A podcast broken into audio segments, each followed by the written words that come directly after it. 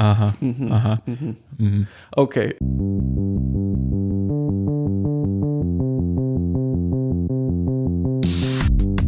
Halló er eitthvað að frétta? Já það er ekkert að frétta. Já það er ekkert að frétta. Ekkert að Lítinn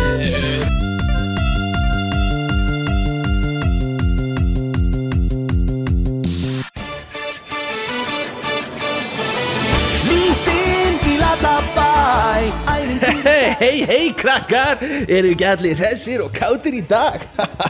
krakkar, eru þið ekki duglega að hreyfa ykkur? Jú Ha, krakkar, eru þið ekki líka duglega að taka myndir af fótónum ykkur að senda á íþróttálfin? krakkar mínir Ha, þið verða að muna borðahól Fylgja fyrirmælum mömmu og pappa og senda myndir af tásunum á íþróttálfin Krakkar, má ég heyri ykkur? Já, tásur alla daga Æjæjæj uh, Góð daginn. Góðan daginn. Góð, byrju. Góðan daginn. Uh, Velkomin í uh, 98. þátt. Það er ótrúlegt Hvað Stittist í stóra séð. Styttist í Er stóra séð, er það í rómverskum?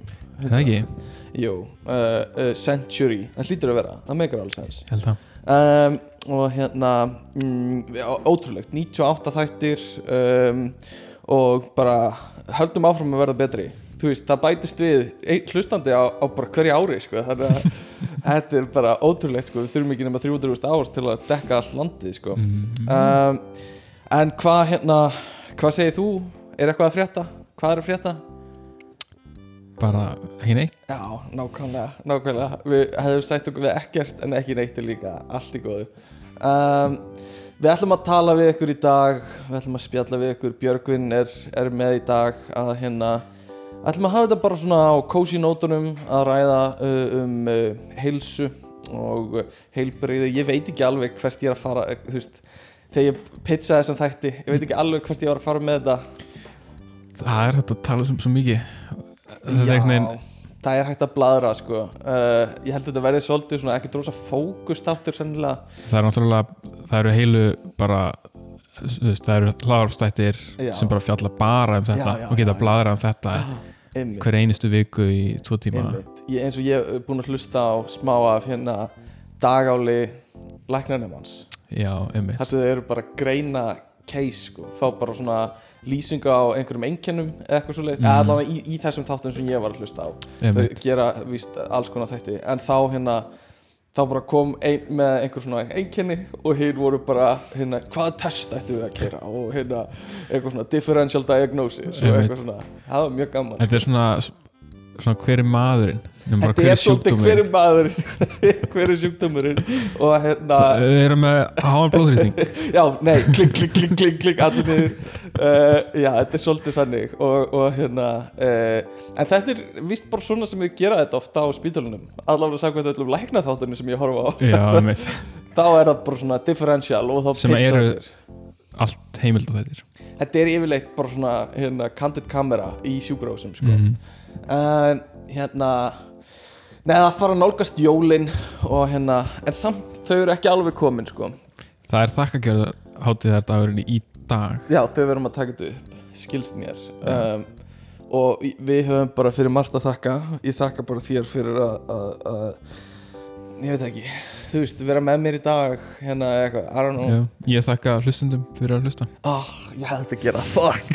Oh, ég valdi vittlaust uh, já, en hérna nei, ég var að lappa í Fossvæginum í vikunni. Ég var að lappa 20. november ég tjekkaði dagatalið mitt.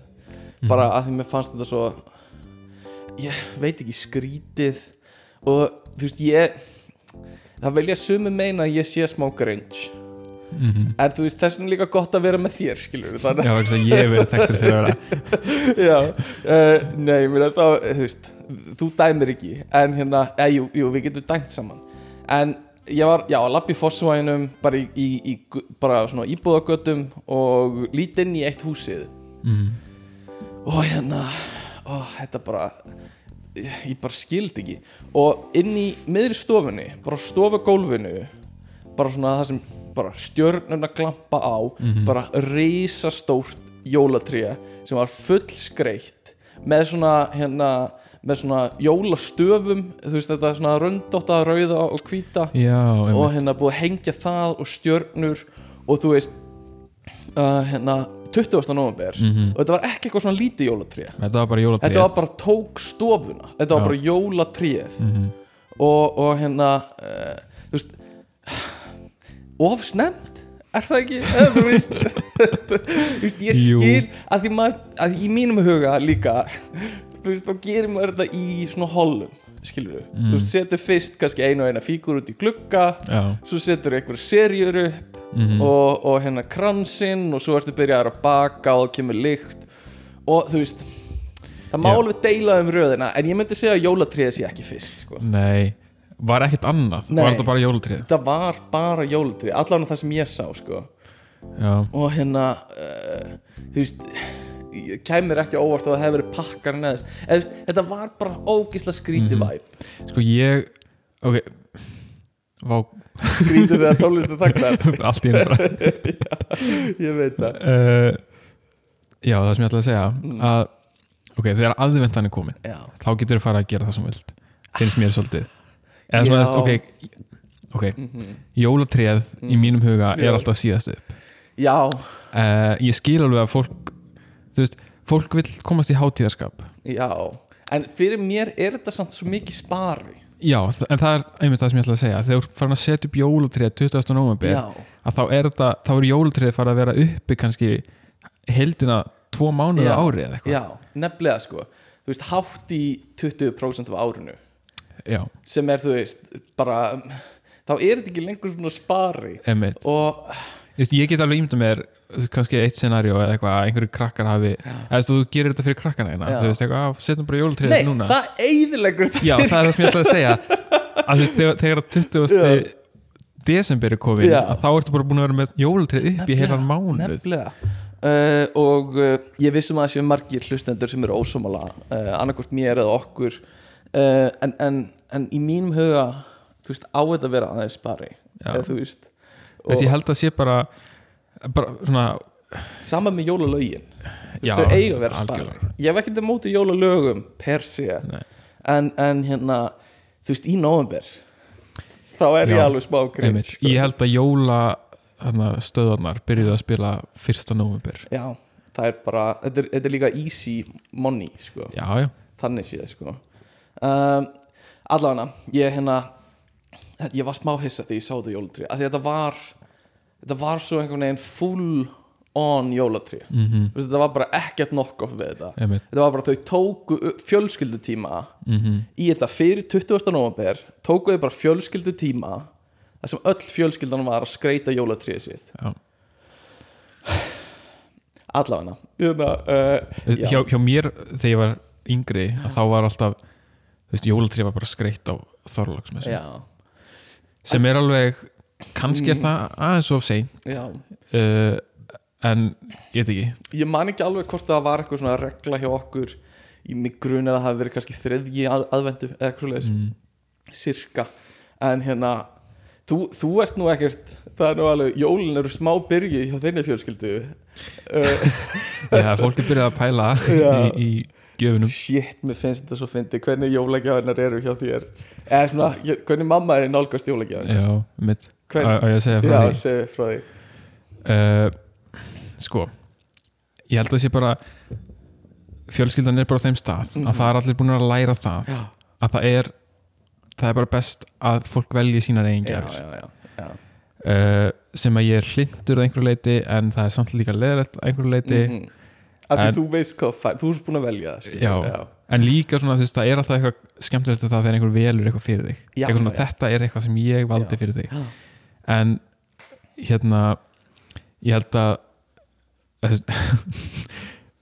það ég held að mamma sé aðalega búin að læra það að það er mjög erfitt að velja, velja eitthvað fyrir mig sem ég verð eitthvað mjög sáttu við.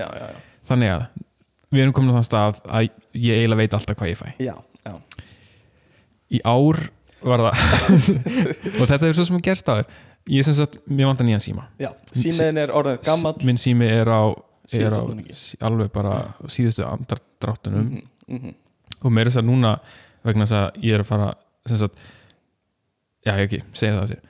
Ég er sem sagt bað bróðum minn um að kaupa síma í fríöfninni hann, hann var að koma heim frá hérna, frá bandaríkinum uh, bara byrjun november uh, og ég bað hann um að kaupa handa með síma í fríöfninni því að Já. ódýrar, ódýrari símar uh, og þá var eitthvað mamma fór að pæla eitthvað svona á ég ekki bara að gefa þér síman Mhm. í jólagjöf uh, sem er bara, þú veist, Mhm. geggjað það Já. er rosalega fín gjöf Já, og bara akkur það sem þú þarft og vilt Já, og bara mjög næs bara, veist, það er bara fínt, ekkert, ekkert á móti því Já.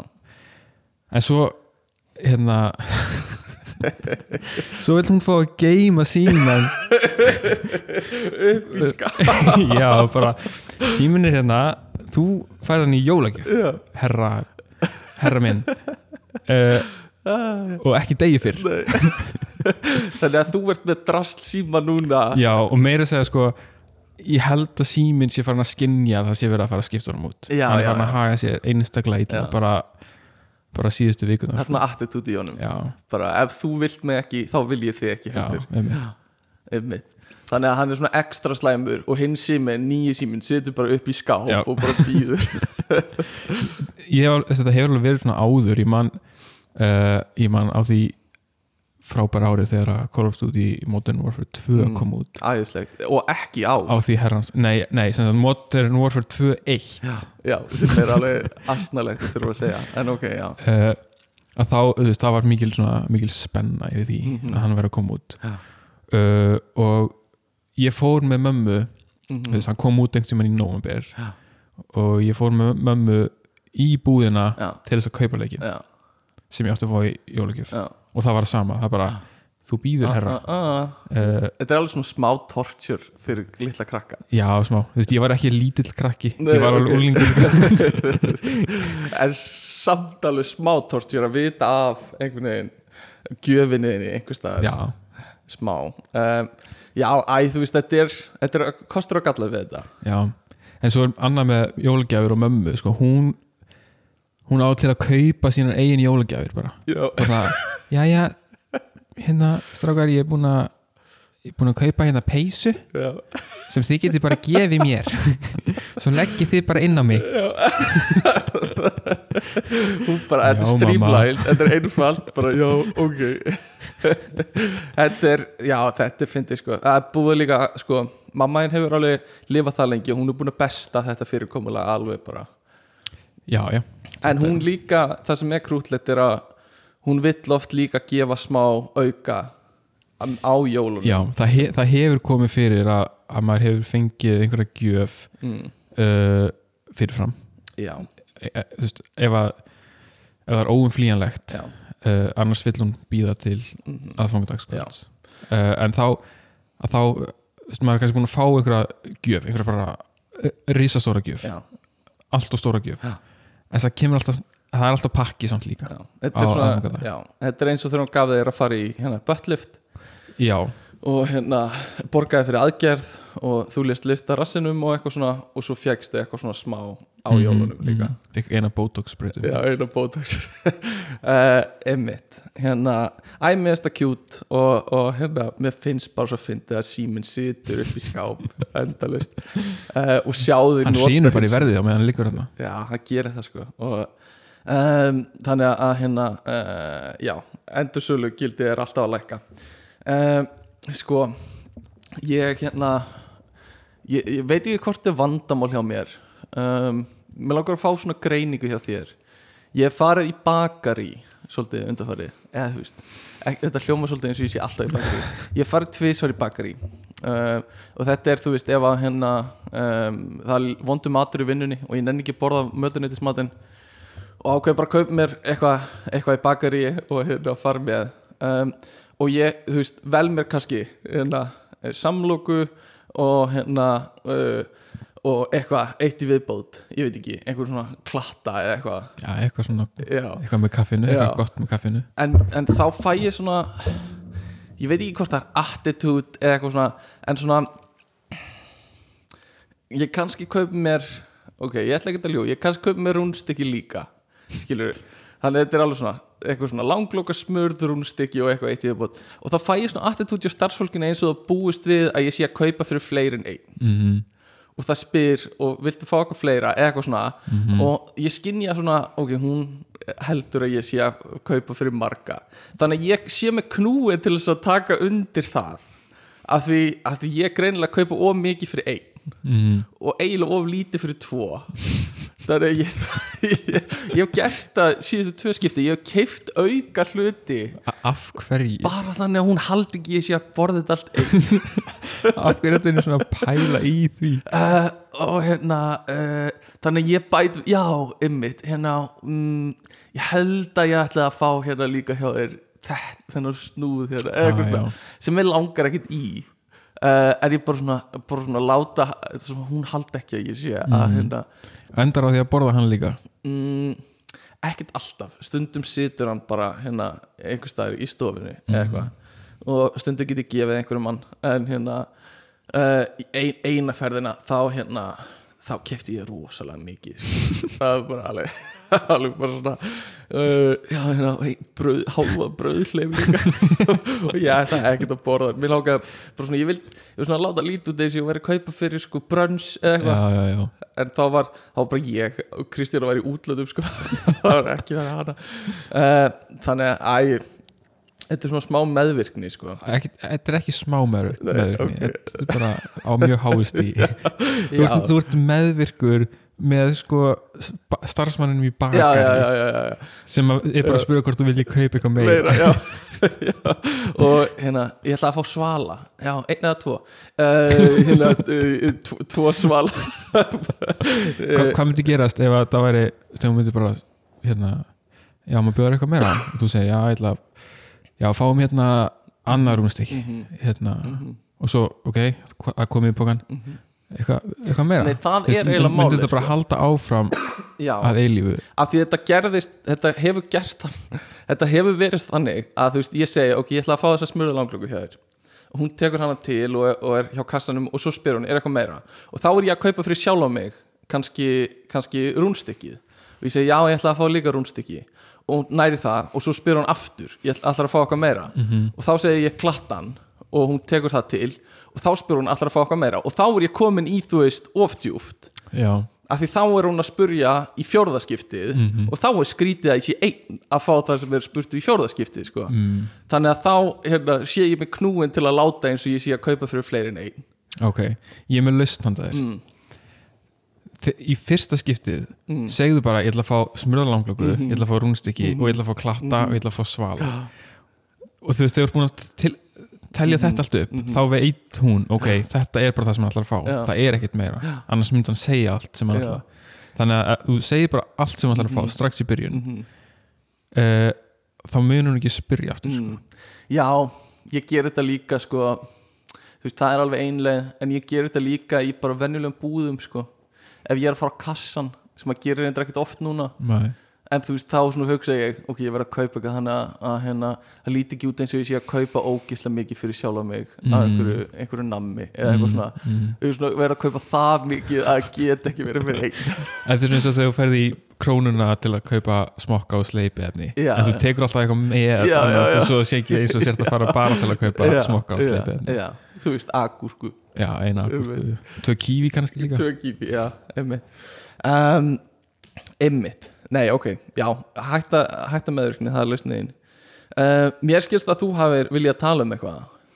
Já, ég vildi það. Ég hérna Ég var að hjá mömmu í mat um daginn. Mm -hmm. uh, símin, vofur yfir. Nei, ég var að hérna Ég var að grúska í bókaskápunum hjá mömmu. Mm uh, og þar voru nokkrar eða mömmu og pappa og, hérna, Mhm. og þar eru bækur sem eru svona sem eru örugglega til frá öllum landslutum ok, en sem sagt pappi er aðustan Já. frá hérna héraði. Rétt hjá eilstöðum já, mm og það voru hérna bækur sem að hétu eitthvað svona gamansögur af héraði. Já, já, og Mhm. svo var framhaldsbók. Það var, það, það var ekki nóg marga gamansögur þannig að það kom eitthvað svona héraspretti eða eitthvað. já, já, og framan á er náttúrulega bara myndir af köllum. Einmitt, einmitt. Eins og að þú veist, auðvitað, veist, inn í bókinni eru einhverjar sögur frá konum mm. en rosa þú veist, bara svona bara sköllótti kallar fram hana Mm -hmm. uh, eins og þeir séu þeir einu sem eru fyndnir. Austurlandi Þetta eru hér að skenin sko, já. einmitt Alveg hilarious gaurar sko. Mér fannst sko hérna, eitt brandari sem ég mann eftir Já, var eitthvað svona uh, var um eitthvað kall sem átti eitthvað bíl, einhvern Mm. jeppa Mm. eitthvað, sem var, hérna hrifin af já, og hann hérna þetta var á þeim tíma þegar þú ég held ef ég skildi það rétt, þá þú gast sko nota svissin, já. en þú gast líka nota einhverja sveif til að starta jeppanum Ok, ok uh, og hérna, en þessi gæi hann vildi frekar nota sveifina Ok, þú veist, hann notaði bara sveifina til að starta bílnum en ekki líkilinn eða svissin eða eitthvað. Eins og ég skildi að þá var sveif oft framan á bílum og þú trektir það svona í gang. Já, já, nákvæmlega. Mhm. uh, og svo var þessi bíl á, á verkstæði eða eitthvað, eða svona var verið að ditta á já. og það kemur einhver hérna einhver annar sem er algjörlega ótengdur sem eiganda eða eitthvað og segir hérna, sér jeppan og segir eitthvað svona er ekki er ekki er þetta ekki bara góður jeppi? Mm. er hann ekki bara í toppstandi? Mhm. og sá sem að er að gera við hann segir jú, allt nema sveifin. Og þetta er allt. Þetta, þetta er bara brandarinn Þetta eru gamansögur sem voru það fyndar að þurft að skrifa bók það, það er komist í bók. Já. þetta komst í bók. Já, já. Þetta- er bara svona, þetta er bara hnittið tilsvar. Já, svona, svona alveg eiginlega lagsta leveli eða svona þú veist ekki einu svona ógíslar nýttið já. Já, uh, þú veist paldi hvað eru mörg hnittin tilsvar sem verða bara á hverjum degi. Já, já, algjörlega. Í daglegu Uh, lífi. já, bara þú veist á vinnustaf það er bara alltaf einhver að segja eitthvað fyndið. Já. það kemst ekki í einhverja brandarabók. Nei. uh, Þetta er svona eiginlega eins og ég myndi taka eitthvað hópspjöllana sem ég er í og bara Já. svona finnar sögur úr hópspjallinu bla bla bla svona, og hérna, skrifa það allt niður. Þetta er bara svona svo svo er allir, allir svona karakterinu er emdir, eða, veist, eins og það sé bara fólk sem allir þekkja, bara svona, æjá, Ragnar Bílvirki maður, hann er svo sniður Ég veit ekki, kannski ef þetta væri, ef þetta er svona samfélag það sem allir þekkja alla já, og þú veist, þú gætir eitthvað svona já, ég tengi, hann er nú alltaf í sveifinu já, ég hef nú lent í þessu. En að gefa út bók, ég veit ekki. Tvær, tvær bækur. tvær bækur. Þetta, er, þetta er, það er alveg rétt þetta er úr öllum landslutum sko. já, ég er náttúrulega uh, úr borgarfyrði mhm og að skoða, sko, við ætlum ekki að tala um ákveðna bækur sem er upp í Nei, hillu ég ætlaði ekki að Nei, tala um það. ég bara var hrættur um að þú myndir nefna uh, en hérna uh, en ef maður skoður bókahilluna þar þú veist, bækuna sem, sem eru til, Mhm. bara eitthvað svona uh, endalaust í fyrsta lega ættfræði. Endalaust af ættfræði bókum það er eitthvað við Íslendinga sérstaklega gamla kalla sem bara er bara dyrka ættfræði. Mhm. það er bara, og ég veit ekki alveg hvað það er. Það er bara þegar þú ert ég veit ekki, komin ákveðin, aldur og þá bara kviknar einhverju geni. Já, já. bara, ég verð að vita hvaðan allir koma og hverju allir eru og Já. búið til þess að tengingar hausnum. Eitthvað svona, en svo eru líka eins og frændi minn skrifaði lögfræðinga brandarar já, og það er ekkit ósvipa þessu. Nei. þú veist, það eru bara svona lögfræðingar að gera eitthvað og nýttnið til svo eða eitthvað svona. uh, og ég sem ungur strákur var svona hérna, brandarabók, það er skemmtilega og lesa blöggfræðingabrandara og svona 50% skildi ég ekki. Nei, og, bara, hva? og hitt var svona ok, það er, ég skil að það á að vera fyndi hérna, en það er ekki um, en já, alls konar svona bækur. Uh, það er líka ekkert skrítið að við Íslandingar eru með þú veist, heimsmeti í bókaútgáður eða hvað er. Nei, einmitt per capita. Um, en, en hérna já, það er gaman að skoða svona gamla bækur um, en ok, sko, við erum með hérna ég ætla ekki að segja nýjan lið að ég hef reynd að gera þetta nokkru sinnum en hérna fréttir vikunar að fara yfir þær. Og hérna, þetta verið heldur betur verið viðburða rík vika. Hmm, eða svona já, aðlega eitt mál, þannig að hriðjuverk ára sinna á B5 eða bankastræti heitir það víst. Mhm hvað er svona þitt teik einhver, er, einhver, einhver gengja stríð í gangi já, og virðist vera 20 gaurar að hérna hlaupa inn og alltaf stinga einhverja gaura Mhm. og það er bara tveir inni og hérna stinga þá. Uh, en ég held að svona merkilegast við þetta hafi verið sko í fyrsta lagi svona viðbröðin og slúðrið á samfélagsmiðlum og svo lekin á myndbandin af Áros já, einmitt og þú ert ekkert inn í þessu hérna slúðri á samfélagsmiðlum og ég líka, ég sá í fréttum að þessu myndbandi hafi verið dreift á samfélagsmiðlum Mhm. ég hérna, sendi enginn á þig að það voru allir að senda eitthvað svona passaðu á bænum í kvöld, nei um helgina ekki fara í bænum um helgina voru, Þetta- voru einhver að senda á þig þannig? já, þetta var á öllum hópspjöllum sko. þetta voru á öllum örgulega hópspjöllum á landinu var þetta sendt sko. Vá. Sko ég las bara í fréttum eitthvað svona orðrómur hefur verið á kreiki á samfélagsmiðlum bla bla bla og svo eitthvað, já þessu myndbandi var lekið á samfélagsmiðla. Já. og ég bara hva, þú veist, ég sé þetta ekki. Nei, en það þú veist, er ég ekki á samfélagsmiðlum? Nei ekki að neinu viti einmitt. en þetta var, þú veist, allt eitthvað svona ég frétti frá tengdar sinni bróður já ég get alveg trúa því. Þú veist, ég get alveg ímyndað mér einhvern veginn svona umræðina Já. svona, hvernig svona orðræðina Mhm, sko, mhm. hvernig þetta hljóma og svona ákveðin screenshot að senda og eitthvað svona, þetta var allt planað af fyrirverandi kærustu akkurat, eitthvað svona bla bla bla.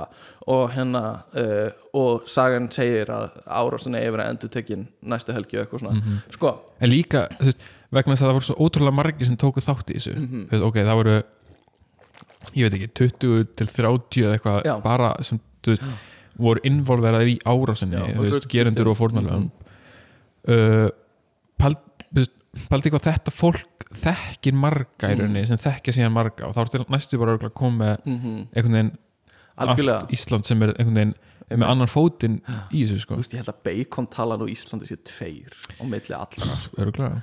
um, fyrir þá sem vita hvað bacon tala er.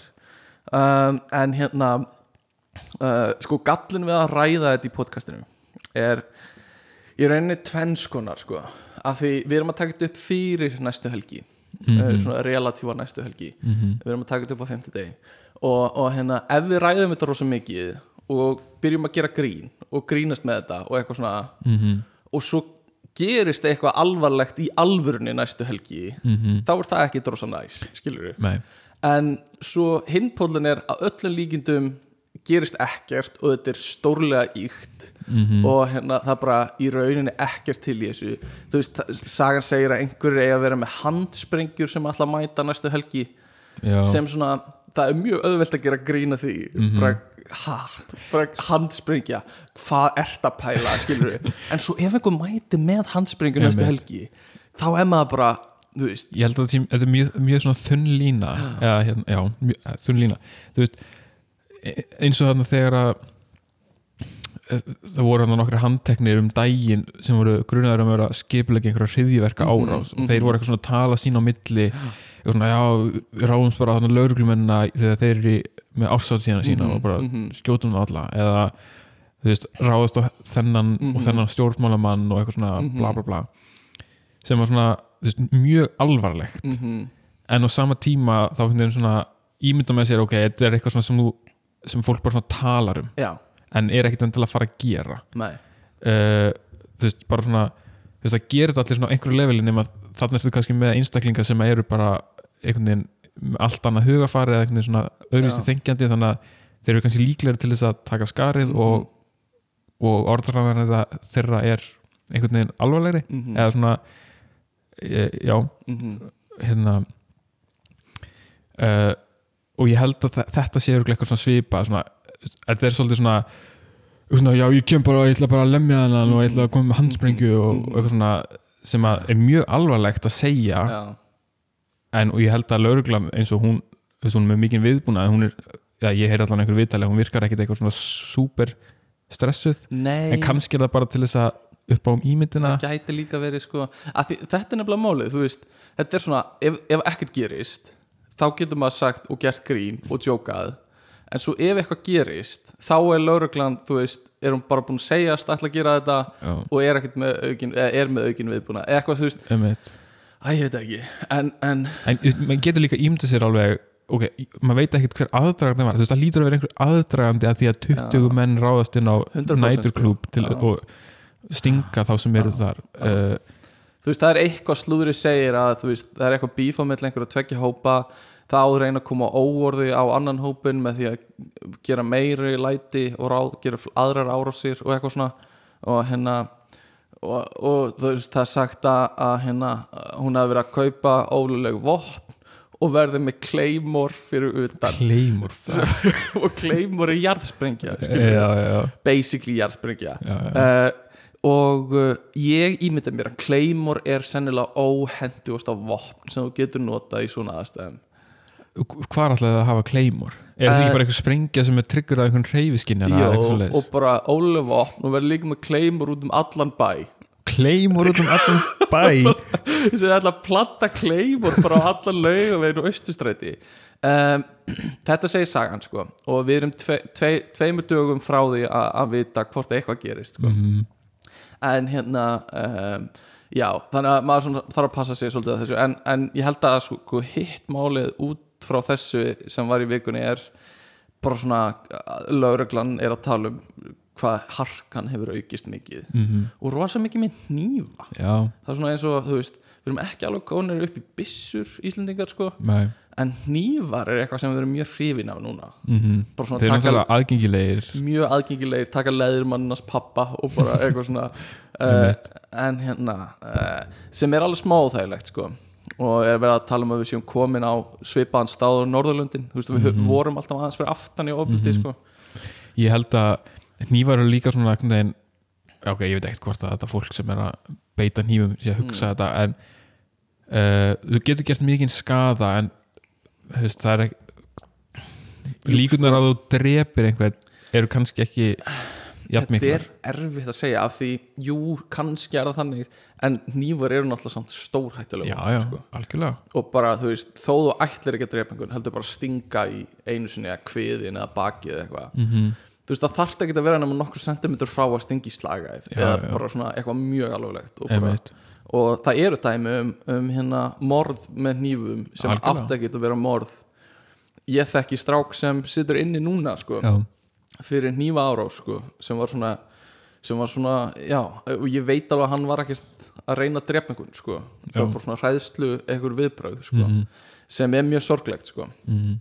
um, en hérna ein, ein pæling samt, Mm. mm. var þetta þú ert með hann með 20 eða 20 og eitthvað menn unga hraustakall á besta alls menn á okkar aldrei uh, veist, hvernig gýrar þig upp í þetta? Ég veit það ekki, ándjóks, ég skil það ekki. Bara, bara, ertu með eitthvað svona pepp tónlist og allir í ringa eitthvað svona að peppa sig í og gang svo bara svona, ó, berjast. Já, og nývar eitthvað, ég bara, ég skil það ekki. Væntalega, eða, ok, einhverjir kannski á einhverjum kannski, sennilega, sennilega, ég get alveg ímyndið með það. Og þú veist það að vera að tala um eitthvað að þessi fólki sé að vinna í bænum og já, já. fíknefnum og eitthvað svona kemur ekkert á óvart sko en en líka örgulega margi sem að þú veist, ok, í 20 manna hópi sem að vildu ekkert með þetta hafa. Þeir, þeir var bara einhvern veginn svona, þeir voru bara sendir í Já. þetta. dregnir með sko. og svona síðastir inn á staðin Já. ertu múin að sjá þessi myndbönd? Ég er búin að sjá þessu myndbönd sko. Þetta þetta er bara eitthvað svo þetta astnalegt er að horfa á þetta? asnalegt að horfa á þetta. Og ég veit ekki hvort að einhverjum finnst þeir að vera cool. Nei, ég get ekki ímyndað mér. En mér finnst þetta svo asnalegt og hérna og allt við þetta og bara eins og þú segir þangagangurinn og hvernig er aðdragandinn? Bara hvernig er þeir að peppa sig upp í þetta? Einmitt. er eitthvað svona Aragorn ræða eins og fyrir Lord of the Rings bara eitthvað hérna a day will come that bankastræti will fall. This not this day. Eitthvað svona, ég veit það ekki en mér finnst bara allt asnalegt við þetta. Og líka þú veist akkur gæti ekki Ísland bara verið lítið sætt land sem er, og maður þarf ekki að pæla í þessu skilur við, en núna er bara að hugsa hm, kemur Claymore um helgina er einhverjum með jarðspringur í miðbænum hm. og þess vegna þú varst líka að pæla, þú veist, er þetta hriðjiverka árás þú varst að spurja mig að því á já, sko. já, ég myndi alveg segja það sko. ég Ok. myndi alveg segja að þetta verið hriðjiverka fólk sko. þetta er bara, þetta er að ógna öryggi almennings um, þetta er árásin eins og sem var í bandaríkjunum sem var skotárásin á, á hinsegin klub mm hriðjiverka maður þar. Ég myndi Já. alveg segja að þetta væri frekar líkt því. Ok. Um, en samt, en, ok, ég veit ekki alveg. En fólki sem þeir ríðust á það eru líka eru þeir ekki, eru þeir Var þetta bara eitthvað random fólk sem var hana eða, þetta eiga víst að vera í einhverju öðru gengi Já. skilur en þú veist samt, það er bara eins og, eins og hins eginn fólk skilur eru vel einhvern hóp Já, eða eitthvað, ég já. veit ekki. Mér finnst þetta bara það ykt að þú veist mér finnst alveg hægt að flokka þetta sem hriði og sérstaklega Mhm. ef það gerist eitthvað núna um helgina. Já, það er bara allt hriðiverka fólk sko. Ég veit ekki, ég veit ekki hvort það er aðstæðlegt að segja en, en hérna, mér finnst það bara svo brengla, mér finnst það stúbid já. Mér finnst það fyrst og fremst heimskulegt. En sko, ég kemst ekki yfir þessa claymore pælingu Ég hef all Þú veist, ok, ef þetta á að vera eitthvað svona ástandið á Íslandi er að nálgast það sem er í, á Norðurlöndunum. Mhm. Ef það komið claymore á Íslandi þá erum við komin fram úr Svolítið langt. það er Norðurlöndunum bara sýrland sko, uh, nei, algjörlega. Og líka bara svona hérna ég ætla að fucking berja þig. Og býtu ég ætla að ná í kleimorum bara, hæ uh, allan, mér, mér finnst smá óþægilegt að ræða uh, í fyrsta lagi, ég vil ekki vera uh, targetaði fyrir árás og uh, líka við vitum ekki hvernig helgin fer Mhm. þannig að um, maður gæti verið að ræða eitthvað sem er stórslis eftir helgi sko. Mhm. en öllu líkitum ekki skilur þú, öllu líkitum er þetta bara ykt upp á samfélagsmiðlum og gerist ekki neitt Mhm. um, en, en allur er varin góður sko. þannig að við ættum kannski að halda áfram um, En bara ekki fara í bæinn Það gæti verið claymore já, það gæti verið, hver einasta hella á laugaveginum gæti verið með kleimur undir sér um, sko fleiri frétti vikunar um, það var frétt á MB1 um að einhver kona í svo asnalegt sko. Að fara yfir þetta. Mér líður svona eins og morgun þætti eða eitthvað. En allavega, kona í Breitlandi hefur klofið netið eftir að hafa sagt frá því hvernig hún hefnir sín á farþögum sem halla sætinu fyrir framan hana aftur í Já, hvað finnst þér um að halla sæti í flugvél? bara allt í lagi Er það? Já Ég held ég sé eh, ég, ég gera það aldrei veist- sko. Þetta, það er allir með hennar möguleika Mhm. og veist, hann er til staðar flugfélagið setti hennar möguleika, möguleika Já. Já. þú veist, ég Ég veit það, en þetta er samt svo óþægilegt þegar fólki fyrir fram að þér halla, þér- halla sér ok, ég get alveg viðkjönd að það er svona smá vonbreyði mm -hmm. ég er svona, ah, þurfti hann að gera Mhm. þetta en á sama tíma, þú veist, að, hann hefur bara þetta val hann, hefur þetta val Já. en málið er líka sko uh, þú veist, ef að gauðinu fyrir fram að halla sér skilur þá gera það mjög óþægilegt fyrir þig. Eða mér finnst það allan, mér finnst það geta verið óþægilegra.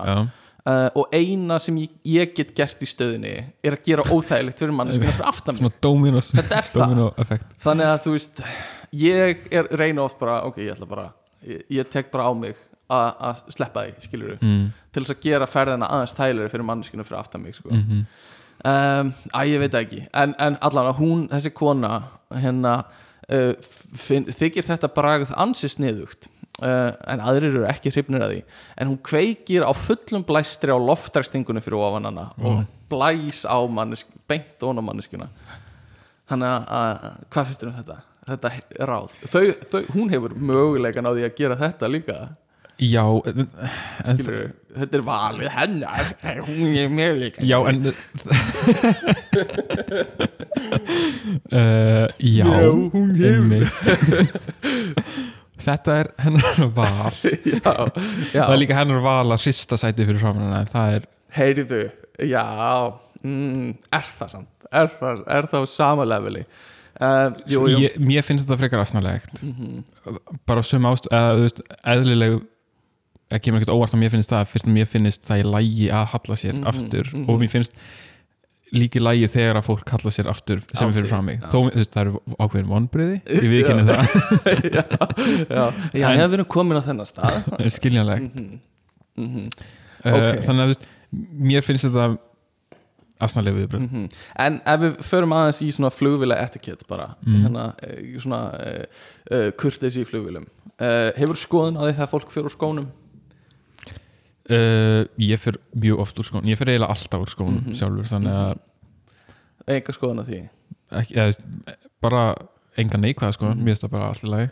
En að prumpa í flugvil um, líka er lægi Já. það er bara hluti af þinni líkamstarfsemi svo lengi sem þú ekki en að reyna að gera það á einhvern asnalan og ógeðslegan há Ok, ok, en hérna mm, þú veist, að klippa tánaglur uh, ég vistir ekki.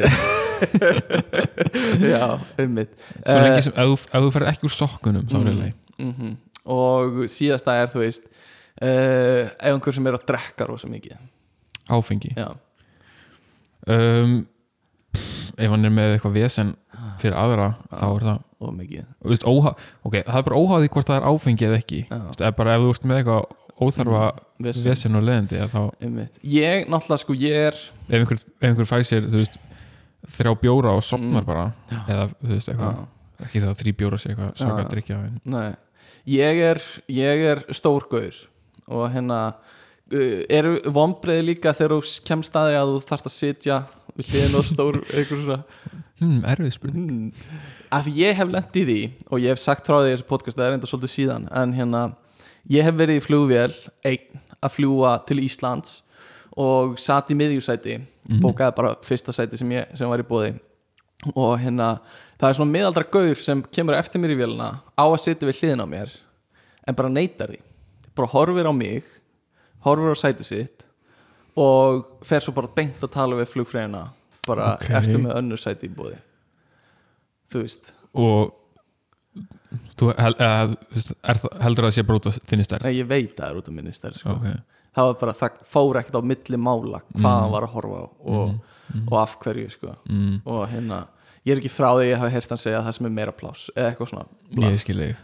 Um, sem var fínt, hann fór eitthvað annað ég gætt fært mig í sæti hans já, og verið við gangin, skilur mér finnst það þú, þú átt bara rétt á því sæti sem að þú keftir mm. uh, og þú veist ef þú fyllir alveg upp í það þá er það bara góð nýting á þér. Þú en ef ég flæði, að ég er líka herðabreiður skilur já, og hendunum mína kannski flæða svona aðeins yfir, þú veist, sæti og axlinar já, þú veist ég er ekki á því að ég sé það stór að ég þurfa að kaupa mér tvö sæti sko. ég, er, ég er ekki þar og ég er ekki viss um að það sé eitthvað sem einhver ætti að gera. Nei. Skilur, mér, ég er ekki viss um að það sé lausnin á neinu. En hérna uh, æ, þetta var samt smá sárt sko. ég trúi því alveg. Uh, já, svona- veist, Mm. ég meina er það vonbrigði að sko uh, nei það, það er svona, ok ég þarf bara að sætta mig við þetta. Að, þú veist, mm, ef veist, manneskjan kannski hefur ekkert stjórnaði hvort að, hvort að hún veist, sé aðeins út fyrir sitt pláss. Mhm, þú veist, við, mhm. við þurfum bara einhvern veginn að díla við það saman mm, já, uh, já, kann, veist, kannski best bara svona að konfronta manneskjuna. Já. Eða ekki, ég veit ekki. Ég með hefði bara sagt bara, herðu vinnur hérna, ég er ekki stóð eða bara svona ef, ef ég kem, Mm. ok, ég, ég hef aldrei lent í því að hérna, að, þú veist allavega ekki að pyrri mig eitthvað. Nei, uh, hérna ég, sko, ok, ég geti ímyndað mér að ef ég væri stór manneskja Mm. þá er það örugglega meiri vonbriði að sjá mm. að önnur stór manneskja er við sætinu hliðin á mér Já, meinar, þetta eru svona hérna, immovable object að mæta hérna, unstoppable force já, það er smá þannig en, en hérna já, það sem ég ætla að segja Já. ég held að sé bara svona þú veist, annarkvort þurfum að tala um það Já. eða ekki, en þið veginn að komast að samkomulega það hvernig ætla að deila þessu plássi sem að er búið að útluta einhverju já, og þú veist, smá. Ég geri það eiginlega alltaf þegar ég er í almenningsrýmum og sérstaklega þegar maður er að taka sæti eitthvað. Ég reyni alltaf svona að draga mig svolítið saman sko. já, og hérna svona draga axlinar inn og hérna til að minka hvað, þú veist, axlabreitina hjá mér mhm. og eitthvað svona. Oft þegar ég er í leikus þú veist, bíó og leikusæti eru ekki hönnuð fyrir mig. Nei. það er bara þannig uh, þau eru ekki hönnuð fyrir stórt fólk og ég er ekki hávaksinn Nei, þannig, nei, ég er bara nei. í meðalhæð en, en ég er samt stór skilur Mhm, mhm. og þessi sæti eru ekki hönnuð fyrir mig annað sem er ekki hönnuð fyrir mig það eru rólur uh, og það er meða mig í rassin og hérna mikið af bara venjulegum stólum líka eru Já. ekki hannað fyrir mig Nei. um, ég, ég er með sérstakann stól heima hjá mér sem er sterkari heldur hýrri stólanir uh, og hérna um, og já, axlabreitin sérstaklega þú veist, ég þarf að draga ég reyna ofta að draga inn axlinar Mhm. hana, hana, það er ekki fyrir öðrum sko. Mhm. það er svona dagstaglega vandamál sem ég díla við Mhm. og líka þegar ég er á, á hérna um, tónleikum eða, eða einhverstað í bænum eða eitthvað þröngu dansgólfi ég reyna alltaf að taka sem minnst pláss hérna, sem ég sé ekki fyrir sko. já, ég skil því uh, og síðasta fréttin sem ég mér langar finnst samt að þú ættir ekki að að taka bara mitt já, takk þú ert bara þú. Já, uh, og já, ég er ég. Það er, það er rétt ef eitthvað er satt í þessum þætti sem þú hefur sagt þá er það að ég er ég. Um, nei, nei, það er alveg rétt sko. Maður á kannski bara að taka sitt pláss sko. En ég vil bara ekki láta lítið út eins og ég sé einhver svona "Já, ég er bara, og hérna, færðu því bara ég, hérna, það er taka mitt pláss. Eitthvað svona, Þú veist, ég, held að þú, ég- ok, þetta er eiginlega bara augljóst. Þú ert ekki, auðvitað ert ekki að fara eitthvað að taka meira pláss, þú ert ekki að fara að íkja Mhm. stærðina þína, mm, mm, þú veist, þú ert bara þú, Þetta er uh, cute. Um, En allan, síðasta fréttin sem mér langar að ræða er hérna frétt sem ber titilinn og við rætum þetta smá aðan um, hérna, Eyður Smári gerir út sjö sendibíla. Og ég sá þessa fyrirsögn og ég var bara, hæ, áhugavert. Eyður Smári að byrja að gera nýja hluti eftir, eftir að good for him. good for him, bara eftir að hafa hérna, gengið ill í fótboltanum. Í tíunda skil já, og hérna, já í tíðinskipti tíunda sem hann fokkar upp. Já, bara flott hjá hann um að gera eitthvað annað. Eður Smári gerur út sjösættibíla opna greinina og svona sé myndir af hver er þetta? Þetta er, ekki, er þetta sonur eitthvað? Og þá er þetta bara einhver allt annar Eður Smári. Þetta er Eðismári Guðjónsson þetta er Eður Smári Björnsson sem er vöruflutningabílstjóri og er bara með hérna fyrirtæki epi Þetta bara auglýsing. já, basically. Uh, og, og hérna sá sem skrifaði greinina Sigurður Bói Sævarsson veit nákvæmlega hvað hann var að gera til að fá klikkin sín. Það er bara hérna þetta er bara launa checkin hans þessa vikuna. 100% bara fullt af klikkum komst á mest lesi í vikunni og bara hérna Eður Smári er að gera út bíla. Fínt, skilur allt í lagi flott hjá Eður Smári Björnssoni skilur bara hann er að standa sig vel, sjö bílar. En hérna við vitum öll af hverju þessi grein er mest lesin sko. uh, æ, mér fannst það fyndi líka að hérna hvernig þetta er sett upp. Um, þannig að þetta eru fréttu vikunar geggjað. Og uh, fórum yfir þær. Ég veit ekki hvort að fólk fíli svona frétti vikunar ég veit að Kristjana, kærasta mín var að byggja eða svona, laði þetta til sko. Já, ég, hérna, og bara, mér finnst það næs sagði hún, eitthvað svona, Já. hlusta á svona umfjöllun. Eins og í síðustu viku tók ég frétti vikunar og fjallaði bara um Twitter og Elon Musk í 40 mínútur eða eitthvað. Já, ég hlusta á það að það var svona við ætlum að hérna, fjallum fréttir vikunar og svo bara, hvernig ætlaði að hætta að tala um þetta Já, kannski betra að taka svona fjölbreytt sko. um, Ég slefti til dæmis stýravaksta hækkunni Mér fannst það ofullorðið Ég er svona, ég er ekki, ég er ekki Nei. svona fullorðið sko. Ég les þessar fréttir og mér finnst þetta áhugavert að því ég er með íbúð sjálfur sem ég er að Já, borga mitt. En ég er ekki, ég er ekki alveg komin þáka að nenn að fjallum það er líka, ok, ævintýri áskirs ok, nú ertu að byrja þá þurfum við að tala aðeins um þetta oh, Ok, fæn ég, það hljómar eins og það viti enginn hvað á að gera við verðbólgu. Það, síðast var það eitthvað svona, já þetta verður sko síðasta hækkun. Mm og, og svo núna var þetta hækka aftur og, Mhm. og ég sá hérna einhver umfjöllun og þá, þá var hann basically bara að segja ég veit ekkert hvað ég á að gera lengur. Nei, bara, þetta var erfiðar en ég held sko. Já. Þannig að gera eitthvað meira. Það er eins og enginn viti hvernig verðbólga virkar almennilega. Nei, hagfræðingar sko, um, uh, Nú þarf ég að passa mig sko, að því ég þekki nokkra viðskiptafræðinga mm. uh, og hérna ég, hérna, ég er ekki hrifin af viðskiptafræði sem, sem grein. Nei, um, uh, mér finnst allt í lagi ef að annað fólk er hrifið að því skilur veist, og hefur áhuga á því. Uh, en mér finnst persónlega hagfræði mun skemmtilegri grein heldur en viðskiptafræði. Mm. mér finnst það, það meira intellectual og hérna mér finnst svona flottari fög sem kom inn í það. Þú veist það eru heimsbyggilega pælingar sem kom inn í það. Mm. og hérna og alls konar svona meiri svona oft starffræðilegar pælingar og eitthvað svona um, þó að alvöru hackfræðingar vita er bara að láta starffræðingarna sjá um reiknistæmin allavega, þetta eru hot takes sem ég ekkert allir eru, eru kannski sam, hérna, sem ekkert allir hafa skoðun á er, er alltaf ég að segja en uh, uh, en hackfræðingar uh, vita ofta ekkert held ég hvað þeir eru að gera heldur sko. Nei, Og ég meina, ok ég er að vinna sem verkfræðingur Mm. ég veit ekkert hvað Nei, ég er að nei, gera nei, sko nei, nei, nei.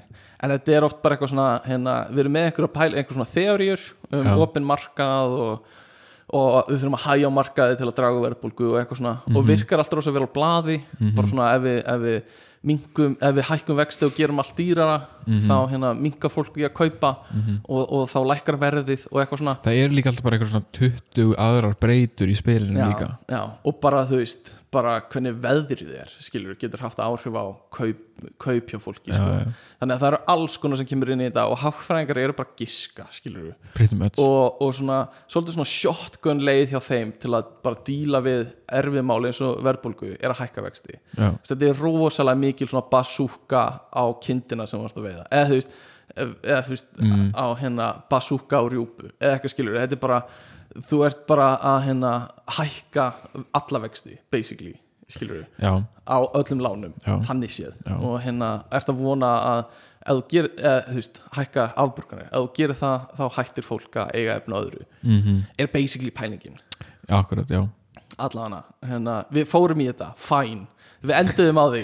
Þú byrja, ég ætla ekki að tala um þú þetta. greifst þessa gæs og fucking lagðir hann á borðið. Uh, allavega, ég, ég nenni ekki að tala um þetta meira. Við ætlum að tala um hérna heilbreyði, heilsu var held ég að sem ég pitchaði við þig. Mhm, heilsa. Um, möndur þú segja að þú sért heilsugóður, heilbreyður strákur lifir þú líka heilbreyður lífi? Er uh, til að svara fyrir spurningunni ég fór í blóðbankan í gær Mhm. og ég merti við að ég væri við góða heilsu. Varst að taka út eða leggin uh, ég var bara að fá svona persónulega ráðgjöf. Ok, og eru þú ég veist ætlaði að fá lán sko. já, já, já, og eru þú veist voru stýrivextinir eitthvað að hafa áhrif á að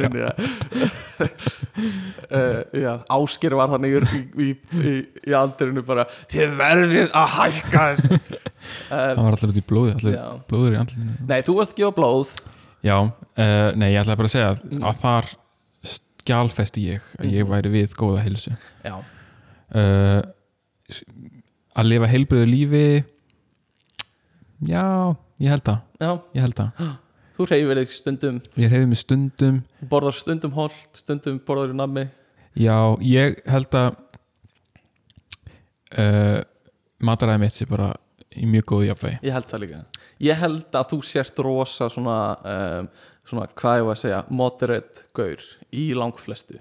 Ég held það. Þú ert ekki með svona stórar ígjur í, í þú veist eins og mataræði og líka ekki hreyfingu eða eitthvað sliðis Nei, ekki Nei, ég sko ef það er eitthvað varandi það sem ég svona til vera hluta því að lifa heilbriðu lífi Mm. sem ég geti bætt væri hérna gæti hreist mér meira. Mm -hmm. uh, allan að þú veist ef við tölum um líkamlega Mm -hmm. heilbriðt líf Mhm. en þú veist, ég sef bara vel mm -hmm. uh, borða þokkalega mm holla mat -hmm.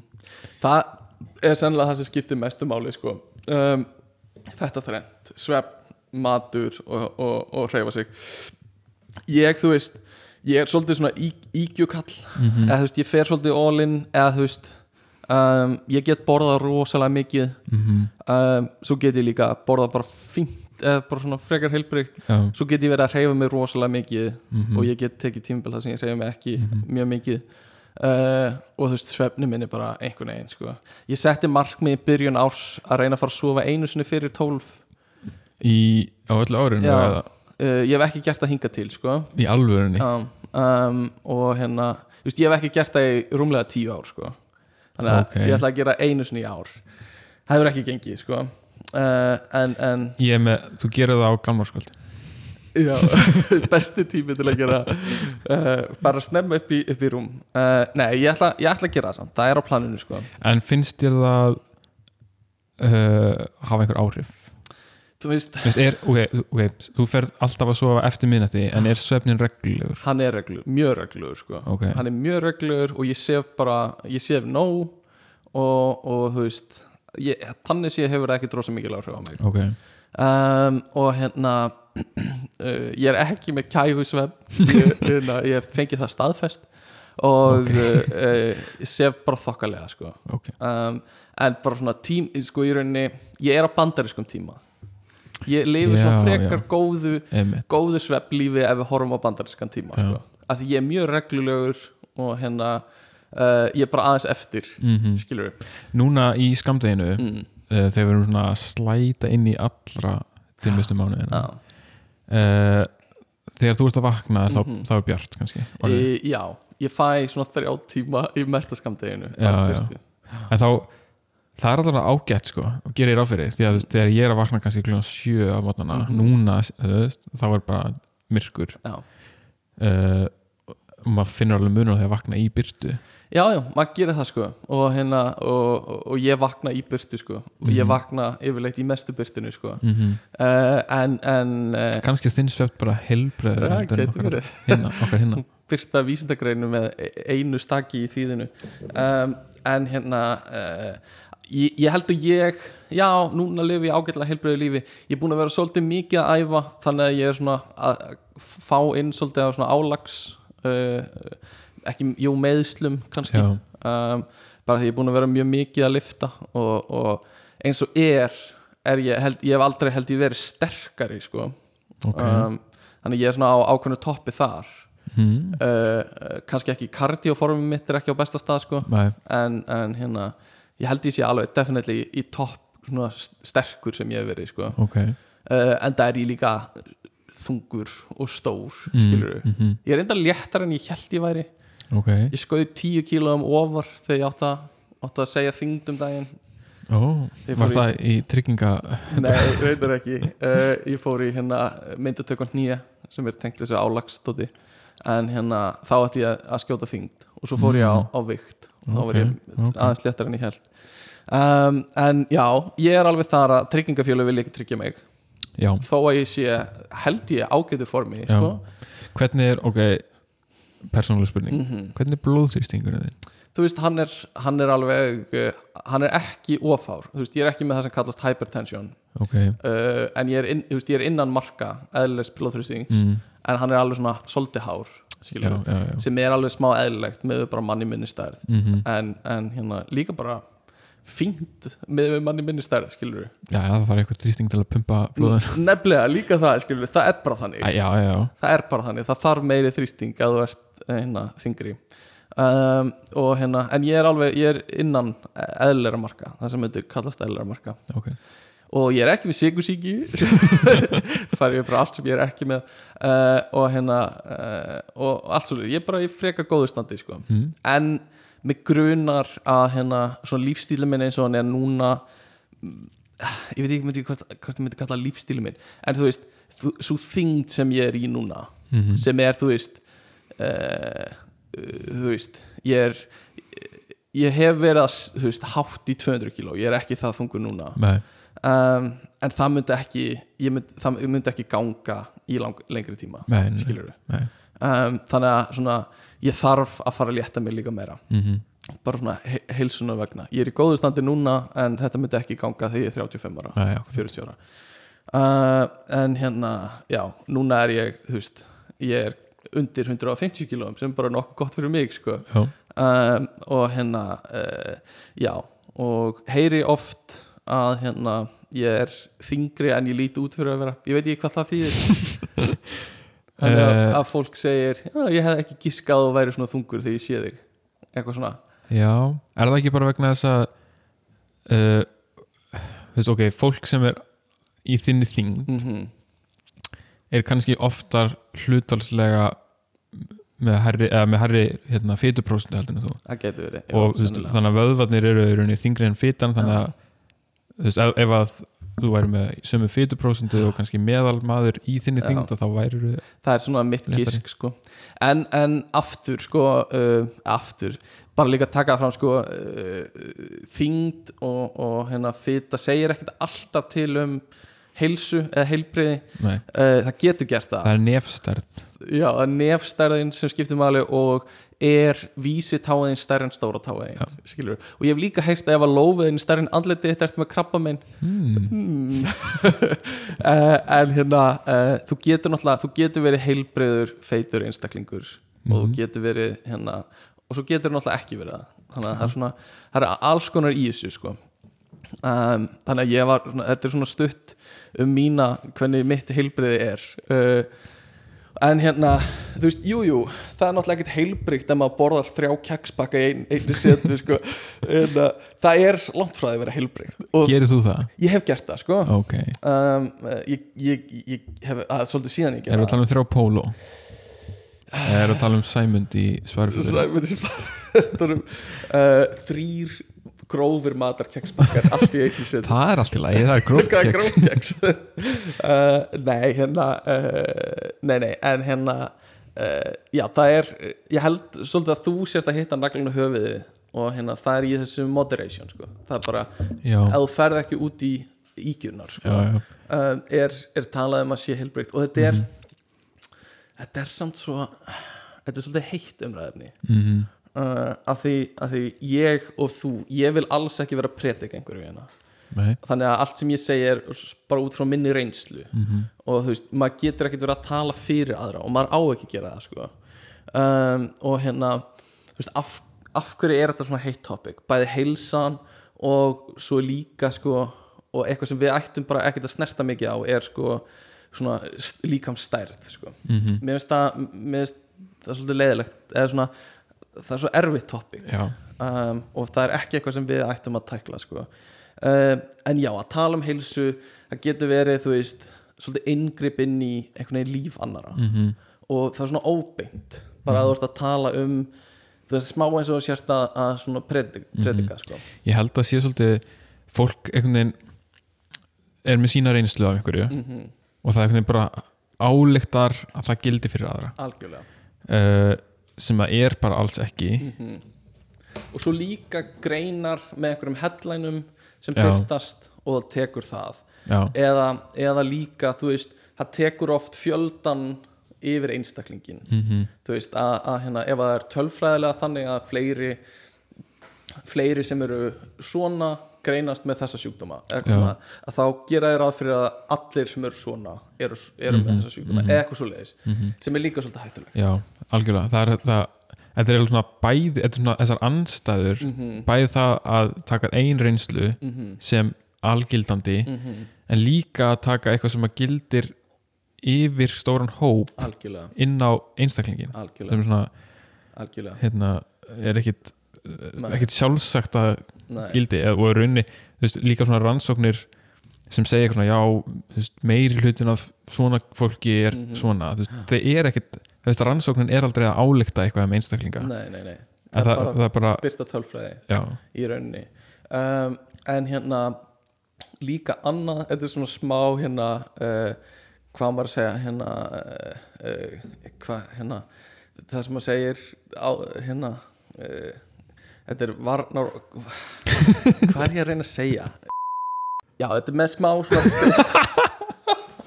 þetta er með smá svona disclaimer. Uh, og bara taka fram fyrir hlustendur við bjöggi hérna eittum svona nokkrum mínútum ég er að reyna að finna orðin disclaimer sem ég köttaði út.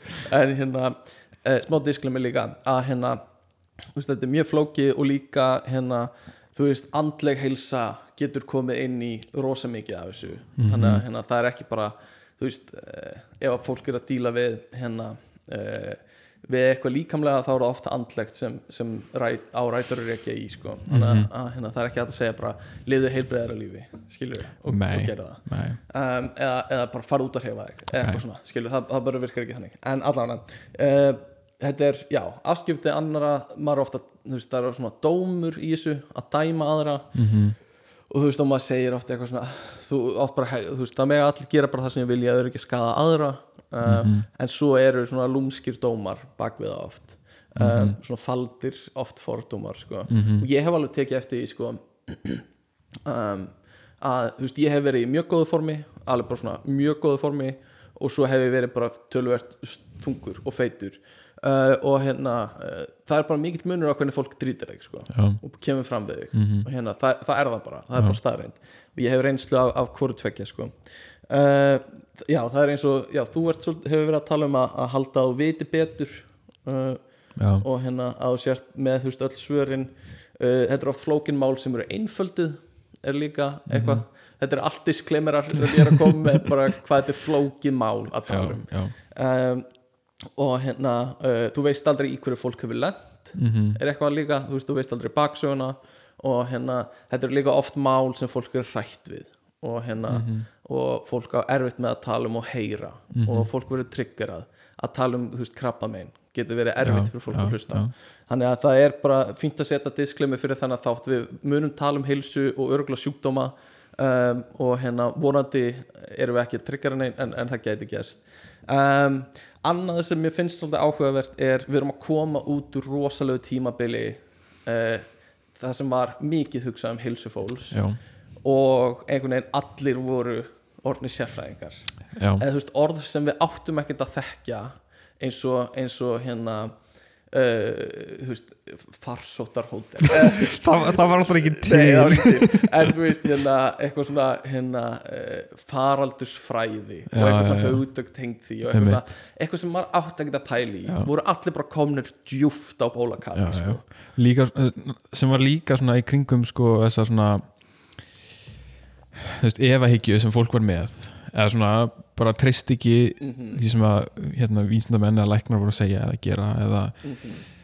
þú veist, líf eða bóluefni eða eitthvað svona Já. og allt í hennu voru allir farnir bara veist, allir sem er eitthvað svona hérna, do your own research fólk sko, já. allt í hennu bara komið á bólakaf í að hérna leita sér einhverjum upplýsingum um einhverja svona, sem er bara eitthvað sem fólk gerir ekkert almennt. Nei, nefnilega. Og leifi bara sérfræðingunum að sjá um venjulega sko. venjulega, en núna er allt í nú komin einhver svona einhverjir einstaklingar sem að allt í nú halda þið viti uh, allt um hvernig sjúkdómar smitast eða hvernig bóluefni virka Mhm, eða mhm. eitthvað svona. Mhm, eða allan að miklu svona me- meira mæli heldur en mhm. heldur en maður þekkti áður. Algjörlega sko. Og þetta var alveg byrjundi báðavangi fyrir antivaxer sko. Já, og uh, veist, þetta er alveg þetta er svolítið stórt topic, bara COVID og veist, við nennum ekki að dvelja við það. En það er bara áhugavert að, þáttur 100 verður tilengar Já, COVID. bara COVID. Og 100 til 110 sko, ef við bara brjóðum þetta niður. Sko þegar ég sagði stóra séð Mhm. ég var að tala um COVID, COVID, sko, við erum að nálgast COVID, þáttinn. Uh, en hérna, mér varst bara að finna að uh, tala um, þú veist hvað, hvað einhvern veginn heilsa var á allra alls, þú veist, á haust efst í hauga hjá öllum Mhm. huga uh, í langan tíma og hvað allir voru tala eins og sérfræðingar Mhm. var alveg fyndið, Mhm. svona að hugsa tilbaka bara svona, já, ertu búin að vera bara í fimm dagi einokkur, sko ég las að sko, þetta getur smitast ennþá eftir sjötta dag en bara með snerti smit eitthvað svona og maður er bara fyrir þremur árum þá vissi ég ekki hvað helmingurinn Nei, hétu. eitthvað, Snertismitt, drópasmitt, úðasmitt og hérna, ertu með grímu? Já, þetta er P95 Já, já, já, ok, ég bara ég keifti hérna P90 Ég er með þryggjalega heimasmíðag tók þrjú buff sem við allavega þannig að þetta var svolítið svona og er kannski smá eða svona uh, skrítið krísutímabil sem er uh, svolítið svona uh, surrealist sko. Já, um, en, en hérna uh, sko ég hérna var að pæla veist, tipp, tipp, tipp, tipp til að lifa heilbröðu lífi. Mhm, og hérna uh, við gætum talað um það og, og á kostna þess að hljóma smá preachy. Ok. En þetta er samt ekkert nýtt undir sólinni. Nei. þetta er bara það sem við vorum að tala um áðan. Mhm, bara hreyfa sig, ekki um mikið og ekki um lítið og sofa vel Mhm. er held ég næstu í 1, 2 og 3 sko. Og, og það er eitthvað sem um, hefur verið svolítið upp á síðkastið sérstaklega með bókinni Why We Sleep. Þá eru það allir, allir, allir líka sérfræðingar í svefni. Ertu búin að lesa það, já ég hlusta á hljóðbók. Ég hlusta á hana meðan ég var að sopna og bara allir bara, já ég heyrði nefnilega að þú ert að fá sko 7-9 tíma og þú veist ekki hvað þetta er mikilvægt. Og það er svona, já, einmitt já. þannig að það hefur verið svolítið vitundavakning í kringum þessa Vævi Slípbók um, sem er bara mjög fín heldur, ég. Hef heyrt hluta af henni kærast mín var ekkert að hlusta á þetta. Uh, og bara fínasta bók hún, hún er lesin eins og vögguvísa sko, ég ætla ekki að ljúga því en uh, hún er góð að sopna út frá. Um, and we are always thinking about sleep.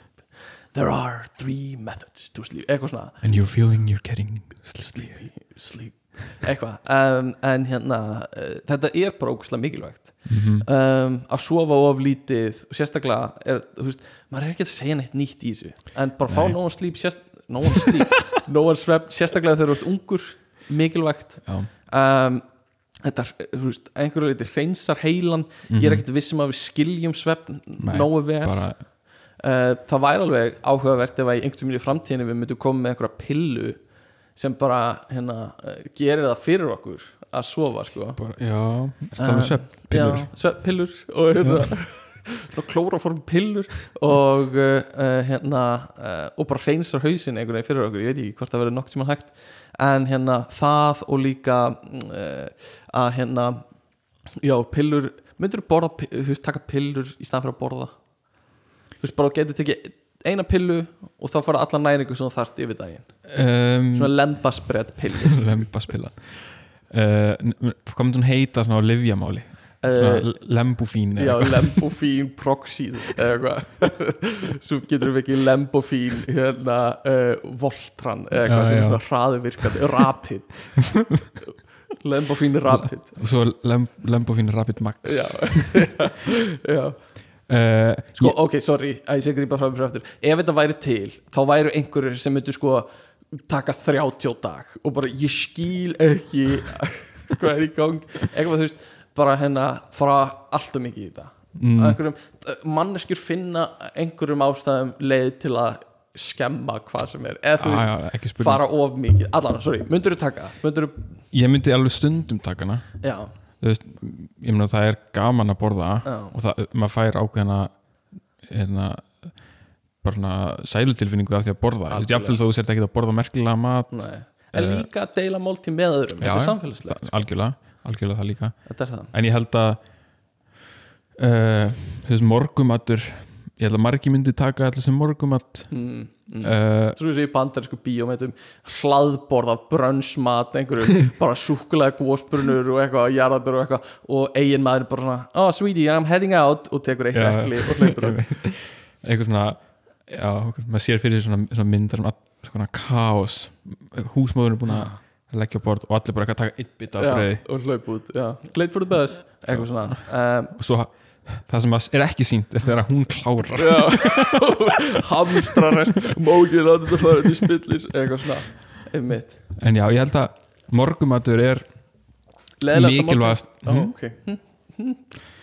já, hún er leðilegasta máltíðdagsins eða samt ekki, sko, ef maður gefur sér góðan tíma í morgumat, Já. en það gerir það þú veist, það er, maður er alltaf að sjá eitthvað svona uh, hvernig getur þú veist, tekið morgumatinn þinn sem Mhm. fljótast og eitthvað svona eitthvað svona meal prep morgumatur þannig að þú getur bara tekið hann úr ískapnum eða eitthvað svona uh, þú veist, þannig að það er búið að gera morgumat bara með morgunkotni, þannig að Mhm. þú getur borðað hann eins fljótt og hægt er Mhm, þannig að ég held að margir myndi taka pilluna í morgumatinn, sko. Mhm.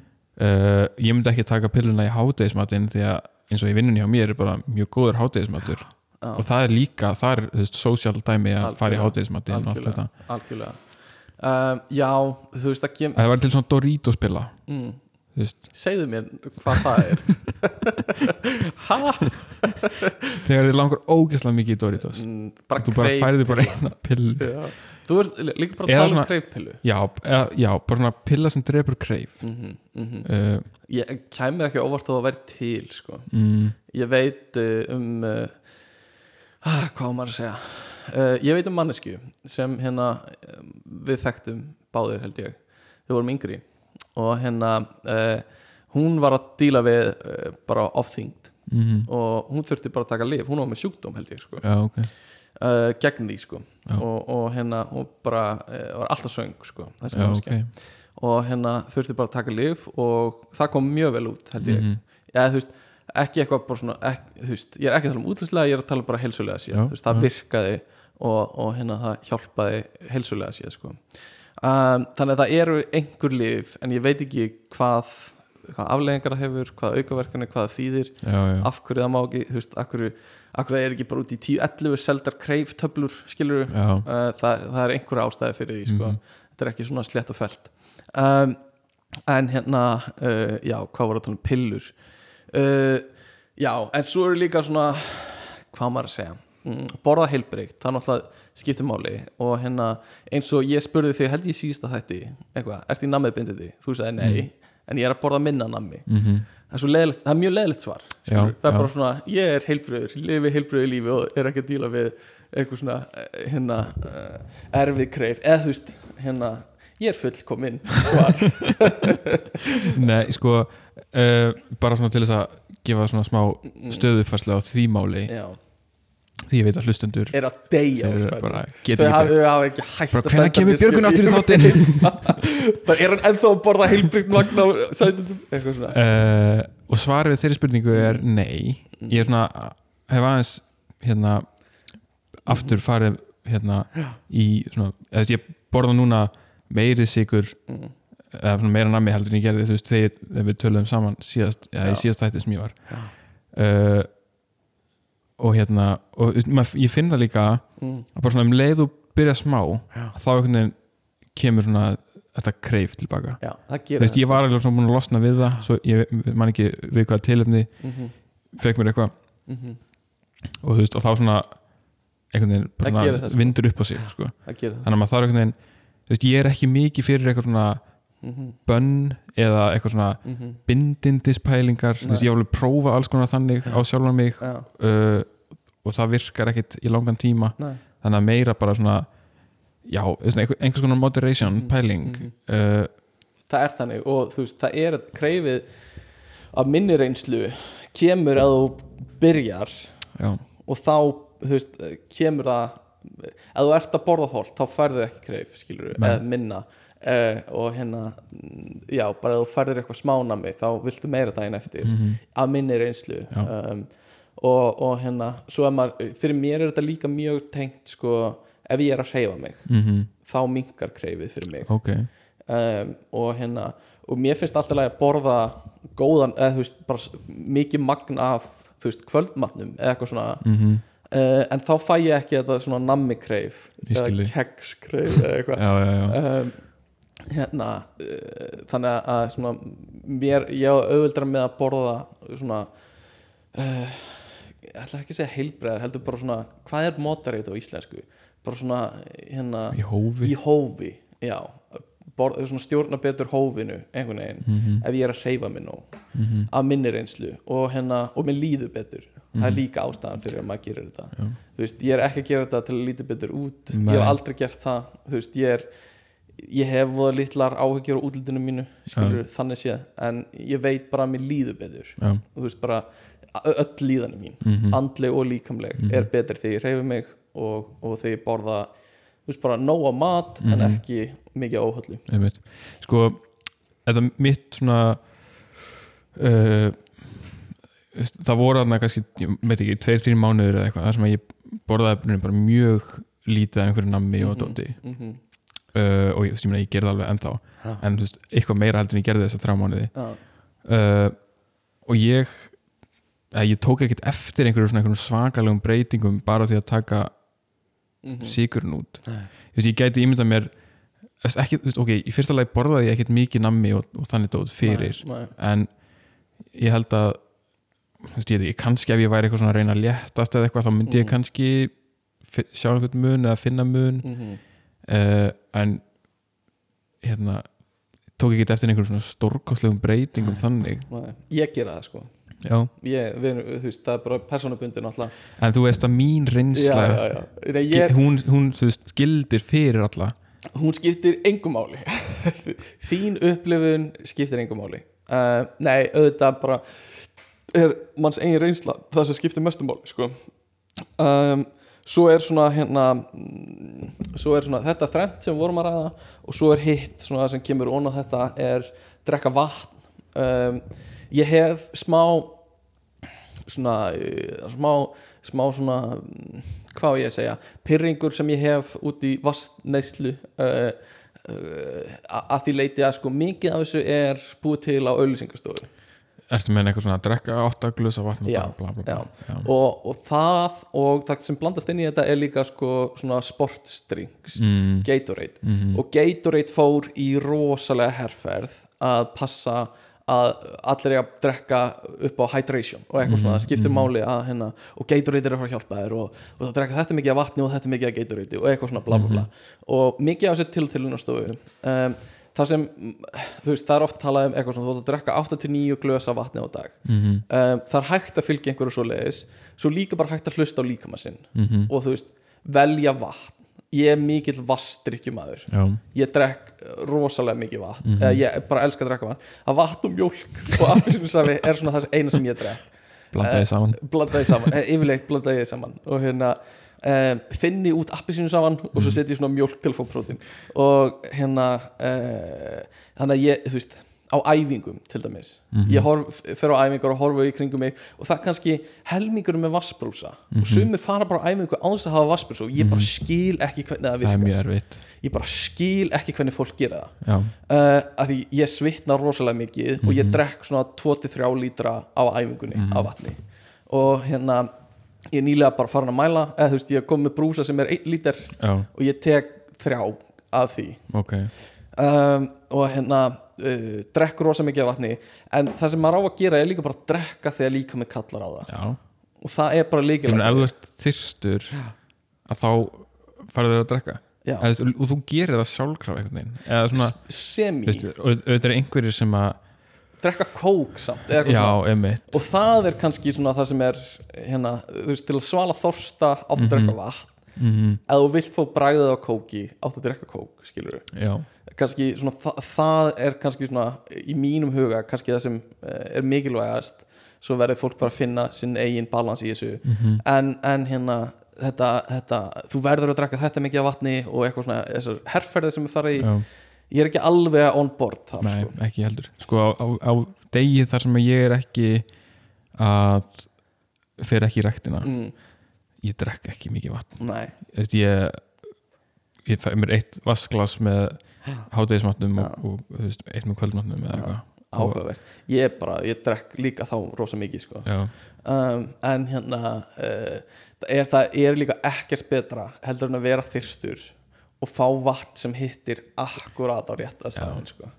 bara svona akkurat rétt hittastig ekki það kalt að þú getur ekki þambaða en alls ekki volt Mhm. þannig alveg svona kalt, ferst og svona glúg, glúg, glúg einmitt. Og finnur hvernig svona, hvernig svona hérna, stikan sem mælir hversu svona ímyndaða stikan í haustum aður sem mælir hversu þyrstur hún svona Já. fyllist hægt og rólega. Mm -hmm. stekur svona þrjá fjóra sopa í viðbót til þess að fylla aðeins, aðeins meira. Einmitt. Og svona, pældi því samt, þessi viðbrögð Mm. þetta er bara svona er bara, þetta er bara mannlega þetta er bara, þú veist pældi því hvað þetta er bara svona erðafræðilegt já, það er bara, þú veist, fólkið Mm. sem að fann þessa tilfinningu í fornöld mm, einhvern tímann eða veist, dýrin sem voru til að undan okkur. Já.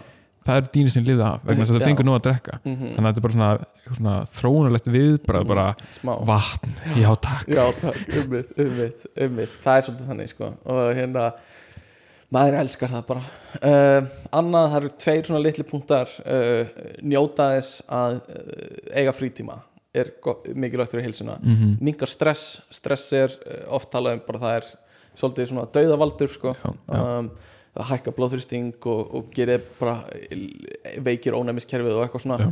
bara stress, að þú getur bara notið þess að eiga þinn tíma Mhm. og slakað á og bara átt gott áhuga mál eða eitthvað sem þú fílar. Mm þú veist, horfa á einhverja true crime þætti eða eitthvað. Ég reyndar tengi voða lítið við það. Hata, en hérna nei, eh, en hérna eh, þá er það mjög mikilvægt sko, Mhm. að eiga þinn tíma. Mhm. ég held að ég veit ekki mér vil líða eins og þess að ég tala um því hvert einasta skipti. Mm. um stytningu vinnu Já, yes, byrjum á því aftur. Ok, nýtt rand Nei, þú veist, við erum á leiðin í þátt það Vonandi. er bara, Mhm. ég trú ekki öðru og líka ekki með þessum hækkun og stýrivöxtum það gerði nú Nei. samningarnefndinni mjög erfitt fyrir Áskir, hvað ert að hugsa? Eitthvað. mm, ég veit ekki hvað ég er að gera ég veit, ég er bara að gíska já, uh, já, uh, ég held að við sem á leiðin þangað og líka eins og þú hérna talar um mengt tíman að að reyfing sé hluti af vinnutímanum og allt 100%, þetta já. þú veist, í hérna í eplu, vinninni minni.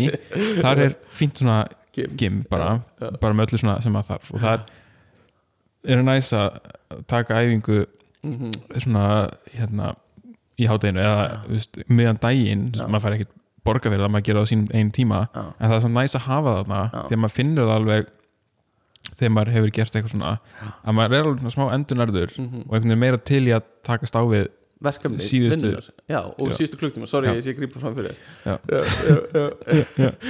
það er, ég held að sé það sem ég ætlaði að segja Já, ég held að sé engin sem ég gríp fram fyrir meira heldur því, að því mér, sko, það er engin sem ég er svona á jafn mikill bylgilengt við og þú, skilur ég er bara svona, ég tengi rosa mikið yfirleitt og Mm. Já. svona gríp ofta það sem við vorst að segja allana, sorry Já, sko, en það sem er svolítið fyndið er að uh, ja, ok, það er ekki fyndið heldur, það, það er líka bara þú það er hérna atvinnulífin í hag.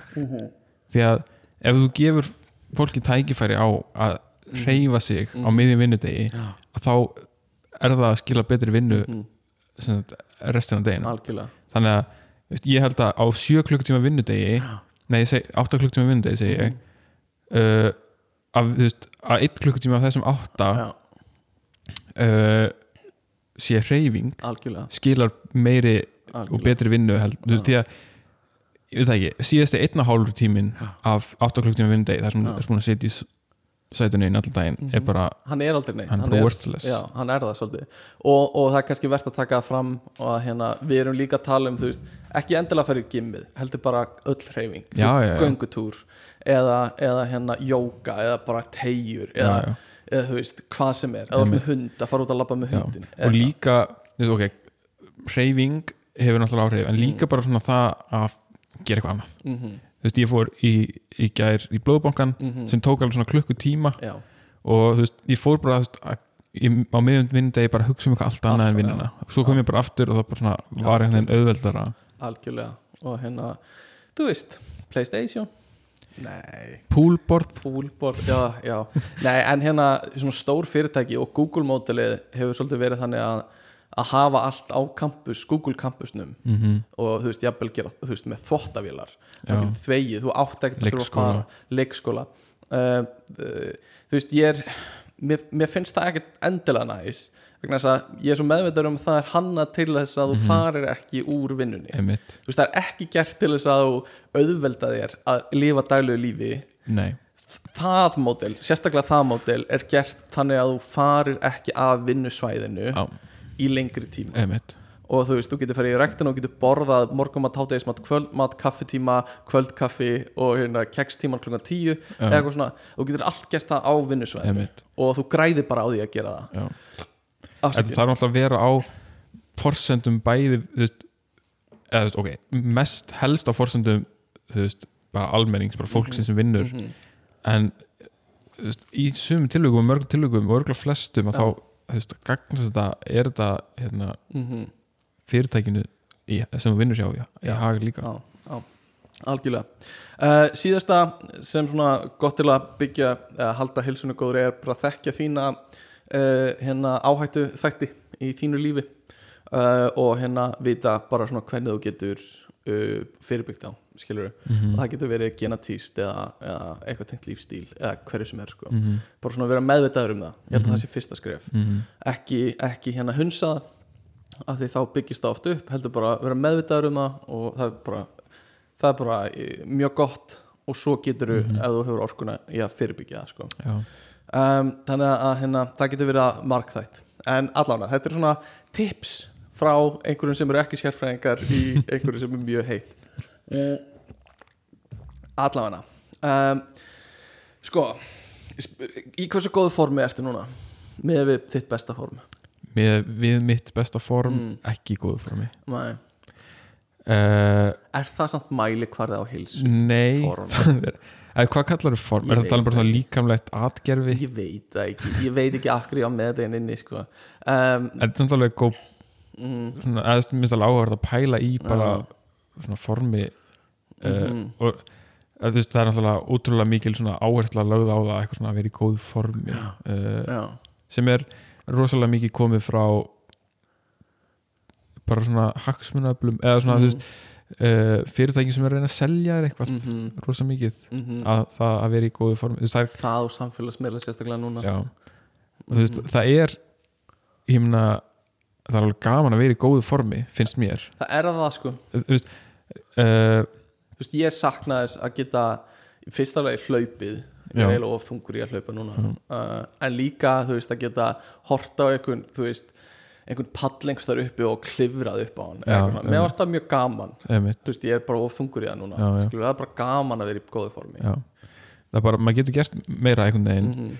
uh, ég meina þegar ég var í keppa í sprellubum og var upp, upp með mitt besta þá var ég náttúrulega í bara mjög góðu formi uh, topp tíu snöggstu menn á landinu sko. já, já, það er bara eh, alveg satt sko. það er bara dagsatt uh, ekki, ég er bara saði Það er bara leit bara hérna leitið það bara því Mhm.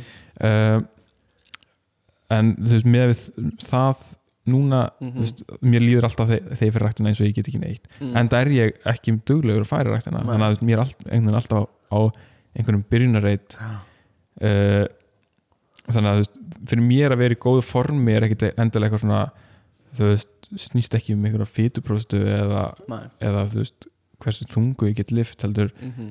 meira þú veist, það snýst bara um það að geta gert það sem ég vil geta já, gert já, og þú veist, einhvern veginn að alltaf veist, ég einhvern veginn sé fyrir mér og ég vil vera á þeim stað að ég, ef einhver segir hei, viltu gera þetta með mér Mhm. að ég þurfi aldrei að segja eitthvað nei, Mhm. ég bara, ég get Mhm. það ekki Nei. þú veist, og saman hvort það er núna einhver spyr, hei, viltu koma í þú veist, einhverja fjallgöngum með mér Mhm, mhm. sem er kannski alveg svolítið bratt fjall Já. og mikið að ég, að ég geti samt sagt bara, já, ég er í nógu góð formi til þess að gera þetta það er bara, það er mjög þú veist, mælikvarði og mikilvægt, ég hef þurft að segja nei sko, Já. uh, og mér finnst það mjög leðilegt að fara í einhverjar þú veist, lengri fjallgöngur eða eitthvað uh, ég myndi bara ekki ráða við það bara, þú veist 160 kíló að labba eitthvað fjall veist, það er bara eins og þú með annan þig á bakinu, og aðeins meira en það, mm Mhm, skilur mhm. uh, og bara uh, hnén, ráð ekki við það Já. og hérna og þó ég væri í góð, nógu góð það þá bara verða ekki holdt sko. já, þannig að, að það er mjög góð punktur sko. það er mælikvarðið á form bara að geta gert það sem þú vilt gera sko. mhm, og ef þú ert sáttur eða sátt uh, við bara lífið þetta eins og það er þá ertu kannski bara í því formi sem þú átti vera í sko. ég meina ef þú ert einhver bara svona liftingadúti Mhm. eins og þú ert svolítið og hefur ekkert áhuga á einhverjum Mhm. hlaupum eða fjallgöngum eða eitthvað, en hefur bara áhuga veist bara það sem þú vilt geta gert er að Mhm. lifta mjög þungum hlutum Mhm. sem ég get uh, þá er það bara veist, það er það sem þú vilt Mhm. ge- geta gert uh, já, já, algjörlega og það eru örgulega fullt af görum í rektinni með okkur sko, sem, sem eru þannig sko. og eh, þú veist, vita bara hvað er vilja og eru bara að stefna á það sko. mhm, ég hef alltaf verið svolítið svona mm, þú veist, aðlifta en hef vilja geta hlaupið og svona og Já. þú veist, í mörgu svona aðeins fjölbreyttari, ekki bara í liftingum uh, en hérna hef svolítið mikið verið að fókusa á liftingar núna, það er bara aðgengilegast það er eitthvað sem ég kann, það er Já. hreyfing sem er mjög auðveld fyrir mér uh, og eitthvað sem ég þekki mjög vel þannig að það hefur verið svona default hjá mér. Þannig að ég hef endað svolítið í því bara bölka svolítið vel upp já, í staðan fyrir að hérna, eftir ég hætti körubólta sko, mhm, það var svona eitthvað sem hjælt mér við í, í öðru. Um, en allavega hérna sko, heilsa, heilsa, heilsa, heilsa. Hverjar eru bestu leiðina til að heilsa fólki? knús. Knús, um mitt ég myndi alveg, sko, fistbump ég er alveg svolítið hrifin af fistbumpi sem já, mér finnst fistbump er eitthvað svona ég veit ekki, mér finnst það smá asnalegt. Ert þú samt knúsari? Uh, mér finnst alveg veist, ok, ég er ekki endilega þ- þannig Mm. Að ég sækist í knús. Já. En mér finnst knús alveg veist, með nánum manneskjum mm. uh, vera alveg Gott, fínt, fínt það er bara fínt. Er fín Þú veist, handaband veist, ég er ekki að fara Nei. venj, venjulega þegar ég hitti fólk er ég, ok, ég knúsa ekki fólki sem ég í vinnunni, ég segi bara góðan daginn. Uh, en ég fyrst bumpaði ekki heldur. Nei, nei, nei, nei, nei. Sko það er handaband, knús, fistbump og svona olbóabump er svolítið nýtt. Svona í í tíma. svona, hérna, og það er líka þessi dans sem að vera að dansa svolítið með eitthvað svona hérna, já, hælsa, nei, olbúa Já, eitthvað svona, hérna, hvað, já, með mitt. Og sérstaklega þú hittir Þórólf og bara svona Já, alltaf eitthvað svona rétti fram höndina og hann, nei, olbúa og þú eitthvað, að ég naði næstu því. Og hann eitthvað, nær mér ekki, ég er fucking sótarnulegni eitthvað svona. Um, Nei, mér, mér finnst fyrst svona smá þú veist, það er svona smá kjánalegt mm. Eða svona, mér finnst það vera eitthvað svona við erum góðir fellar mm, dæmi, mm, uh, en ekki við erum góðir vinir. Mhm, eða þú veist, Mér finnst það mér finnst það hægt að nota í mörgu sko. við erum cool Já. náungar eða eitthvað svona. Þú veist, ef þú hittir vinnin á förnum vegi já, og þau eru, þú veist, bara svona uh, mætist á götunni eða eitthvað. Fyrstbumpa hann og svo labbar áfram eða eitthvað.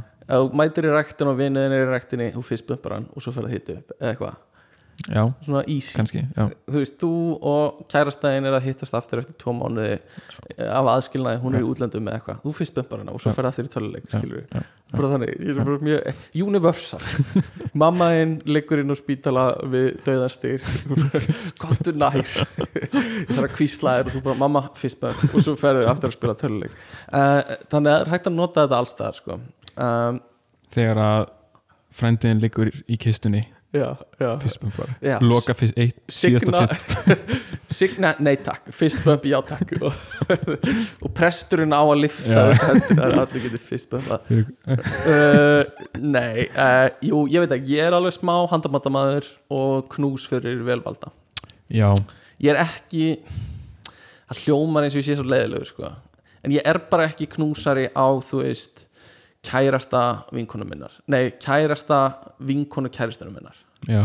Skilur, eitthvað svona. Mm um, og hérna þessi dans eins og við tengda pappa þú veist, ætlar hann að faðma mig? Að, uh, á ég að faðma, að ég taki hendina er, er ég að faðma? og svo svona endar maður einhvern veginn að hendina kremjast á milli og maður svona klappar á baki með hinni hendinni eitthvað svona næstu í faðmlag. Um, það flækir hlutina sko, sko. já. Það gerir það, þetta er erfið staða sem maður lendir í. Topp þrýr erfiðustu vandamál núna nútímar sko, mér finnst mm.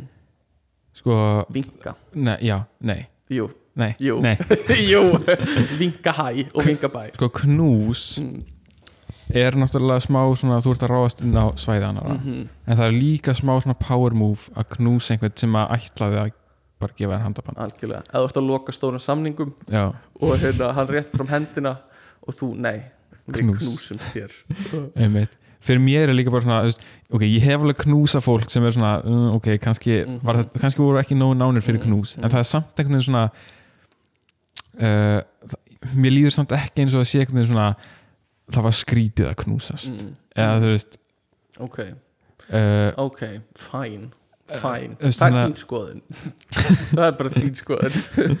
Ég var sko að lesa að hérna 70% af fólki finnst þetta að vera rétt sko. nei, nei, Eh, þannig að þetta er það sem 70% segist finnast þetta vera rétt Já, 70, 70% sér sér knúið til að svara þessari ó, hérna ónafgreyndu könnun sem þetta. Það er ekki, það er ekki það sama. Uh, jú, jú, ok ég get alveg skilja það að knús, fólk vil knúsast. Og mér finnst uh, knús mjög gott sko. uh, mér finnst mjög gott að knúsa kæristuna mína og mömmu mína og vini mína. Það er líka mjög kostur við knús er það mjög öll að kvísla fólki einhverjum svona leynilegum skilabæð já, já, já, já. ég nýf ég er nokkuð vissum að fólki á bankastæði ég er með nýf knúsa dýraverðin á leiðin inn.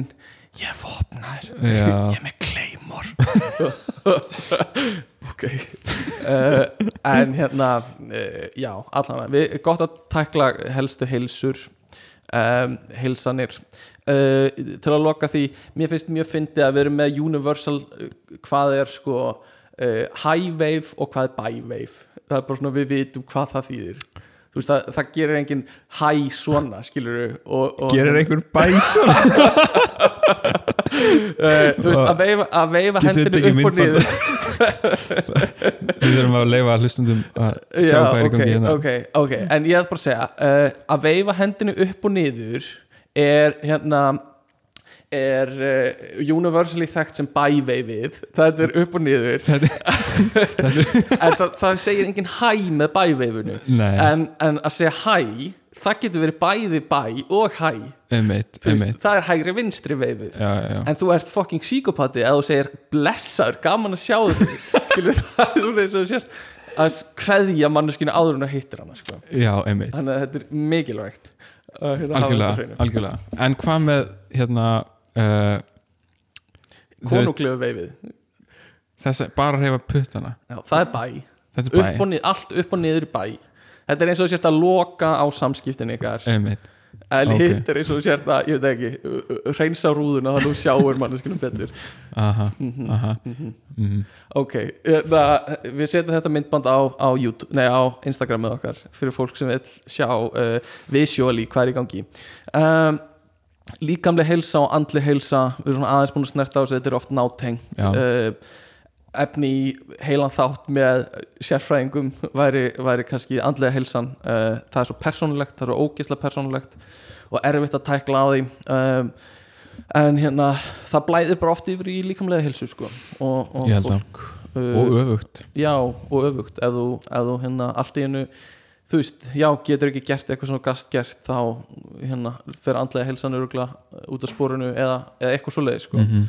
fleira en Eh, líka bara veist, líka þú veist, svefn og mataræði mhm, hérna þetta er svona, þetta er- örgulega svona feedback lúpa eða þú veist, ef þú sefur Mm. illa uh, 100% verður þú kannski stressaður Já. og þegar þú stressaður Já. þá verður það svo illa þannig að það er er svona erfitt að komast út, út úr þessum vítering já, þetta er magna hvað mannslíkamann er einhvern veginn tengdur allt tengist í þessu sko. Mm -hmm. og hérna bara að við fungurum dagstaglega er náttúrulega bara ekkit annað en töfrar sko. Já, svona ef maður fyrir að hugsa út í það sko. Og hérna ef ég færi þetta aðeins yfir á svona spiritual bara hvað við erum dásamleg dásamlegar verur að, að við erum til. Og hérna erum með meðvitund og hérna getum deilt skoðunum erum við hvað? meðvitund, þú upplifun heiminn nei ég veit að þú ert ekki með það þú ert prógram sem ég prógramar þig uh, en hérna allir uh, öll önnur, næstu öll önnur þau sem eru ekki eðlufólk mm eru hérna eru yndislega verur og dásamlegar verur og hérna að við funkurum dagstæðilega er bara afreik út af fyrir sig sko. -hmm. og hérna það að fara fram úr á mótnana er oft bara stór sigur sko. Algjörlega. Og, og uh, uh, þarf ekkert ofta að gera meira það sko. Mhm. og bara minna það á hvað þú ert uh, dásamleg vera. Um, sko við getum talað um uh, uh, við erum búin að tala um svefn uh, og hérna við getum fara að tala þú veist, getum talað aðeins um eins og sko uh, heilbreyðis þjónustuna og heilbreyðis geiran og sjúkarhúsin og eitthvað svona. Mm uh, ég er ekki frá því að þú hafi tekið eitthvað saman í, í heilbreyðis geiranum en hérna ég var búin að skrifa eitthvað svona hver eru þína skoðanir á spítalunum oft eru punktarnir mér er ekkert flokknar en það. Oft eru þetta ekkert meira en bara spítala Já. spurningamerki. Uh, og hérna uh, mér finnst heilbriðiskerfið vera ofjármagnað já, já, já, já, ymmi það bara flæðir allt í peningum. Já, það á bara að vera landlæknir og hann díla bara við allt. Bara, já, bara panta tíma landa landlæknir. Og þú bara, fer bara til Bara- landlæknis. þú veist, það, bara læknirinn í þorpinu já læknirinn í landinu Væntanlega, það er líka þannig sem þetta á að vera og, og hérna, uh, já en spítala, ég hef verið svolítið mikið á spítalum já, um, ég, uh, sem bæði sem barn og uh, sem ungmenni ég, þú veist, mikið af meðslum mm mm. veist, endalust að með, ég, veist, ég broti öll bein í líkamanum mínum einhvern tímann Uh, það er svo langt síðan mér var hent út af No Broken Bones á Reddit sko. það er svo fyndið hvað er það? hefur aldrei heilt um No Broken Nei. Bones það er subreddit á reddit síða þar sem hérna þar sem fólk er hérna þar sem þú mátt vera meðlumur eða hefur aldrei brotið bein ok, og hérna og svo posta fólk reglulega þú veist, þetta mynda sér í gifsi og segir sorry guys að hérna ég, ég datt og ég braut beinu mitt eitthvað svona. Og þá kommenta allir undir fucking weak boned piece of shit drink more milk. Og svo er hann hent út úr Oh, hóknum nice. og bara ég myndi aldrei gera þetta ég myndi aldrei brjóta bein er þú veist kommentir eru bara alltaf akkurat. að drulla yfir. Og þetta er, veist, þetta er grín Já, skilur, að vita það allir að, hérna, en mér finnst þetta svo fyndið að bara að hérna, að, þú veist, þú ert þetta er eitthvað svona elítu hópur. Ég hef Mhm. aldrei brotið bein hópurinn. Mhm, mhm. um, þetta er svona svolítið eins og fólki sem býr í fórsvæðinum það er eitthvað svona, Já, setur já. á elítu stall, sko, en hérna eh, grímsbærin maður. Grímsbæri hápunktum menningar á Íslandi. Uh, en, en hérna uh, já, ég hef svolítið verið á spítulum farið alls konar rannsóknir um, og farið inn í allar svona vélar sem til eru svona mm, MRI einhverja vélar sem gefa frá sér hljóð og eitthvað. Um, og ég fór líka var inn á spítala í Hollandi þegar ég var í námi þar. Mm, fekk svona lúnabólgu og, og hérna uh, fínur einsla af því. Uh, og ég hef talað um það að þau voru með eitthvað sem ég sem landsbítalan gæti verið með en ég hef ekki séð það sjálfur. En þá var bara dedicated manneskja sem kom og talaði við mig. Þú veist bara til að hérna, þú veist ég lá inni og með súrefni og hérna hún, eina hlutverki hennar var bara svona kompanjón, þú veist já, ok bara til að spjalla, að því ég var bara einn sko. já, uh, og ég hafði engan með mér og við spjöllum um, þú veist, hún hafði búið í bandaríkjunum og eitthvað svona ok Og- haldið um það sambandi já, einmitt, já Það- svona kynntist í Kristínu og við höfum verið í sambandi sér nei, hérna uh, þannig að mér, ég, mér þótti rosa vænt um það sko. Mhm. það hjálpaði rosa mikið á svona erfiðum tíma sko. uh, að því þá var, þú veist var ég með blóðtappa í lungum og eitthvað svona, það voru svona þannig rannsóknir sem ég var í gangi já, já, sem betur fyrir var ekkit, ekkit svoleiðis en hérna uh, en það var svona stress, mikið stress Já, á þessum tíma. og uh, þannig að, að hérna mm, þetta eru rosa svona þetta eru svolítið áhugaverða stofnanir spítalar. Mhm, að það elska þetta allir eða þú veist, það er allir meðvitaður um hérna mikilvægið þess en það sem enginn fara þarna inn já, uh, og, uh, og hérna þú veist og líka það, það vita allir hvað læknar og eitthvað er mikilvægir og, og hjúgrunarfræðingar og, og hérna allt, allt helbriði starffólkið uh, en hérna en það borða samt epli til að halda því í burtu. Eh, veit. en já, ég veit ekki. Þetta eru svona áhugaverðar stofnanir sko. ég veit ekki hvert ég er að fara með þetta nei, ekki heldur en Eh, sko, minnst, minnst vinnustæði menningina líka áhugaverð ganganir og þú veist að vinna undir flúarljósum já, allan daginn. Væri ekki hægt að hafa skemmtilega svona dekor? Jú, ég held það, svona 70s dekor var ég til í. en svona- ekki svona 70 spítal dekor bara Nei, nei, svona, nei, nei, nei. bara svona conversation pit. conversation pit. Já, það nákvæmlega það sem ég var að hugsa. Bara conversation pittar út um allt. Mhm. stórir svona blúndu hægjendastólar eða eitthvað og, og öskubakkar. Teppi á öllum gólfum. Svona teppi á, á hérna baðherbyrgjum Já. er eitthvað verð hugsað heldur en teppi á baðherbyrgjum Veist, er það eitthvað sem var í alvegni þing? Eða er þetta bara eitthvað joke? Ég held að ég held að þetta hafa alveg verið það mikið þing að fó, einhverju voru með þetta. Já, en manni finnst bara svo bringla uh, þetta er asnari þetta er bara það astalega sem ég veit sko.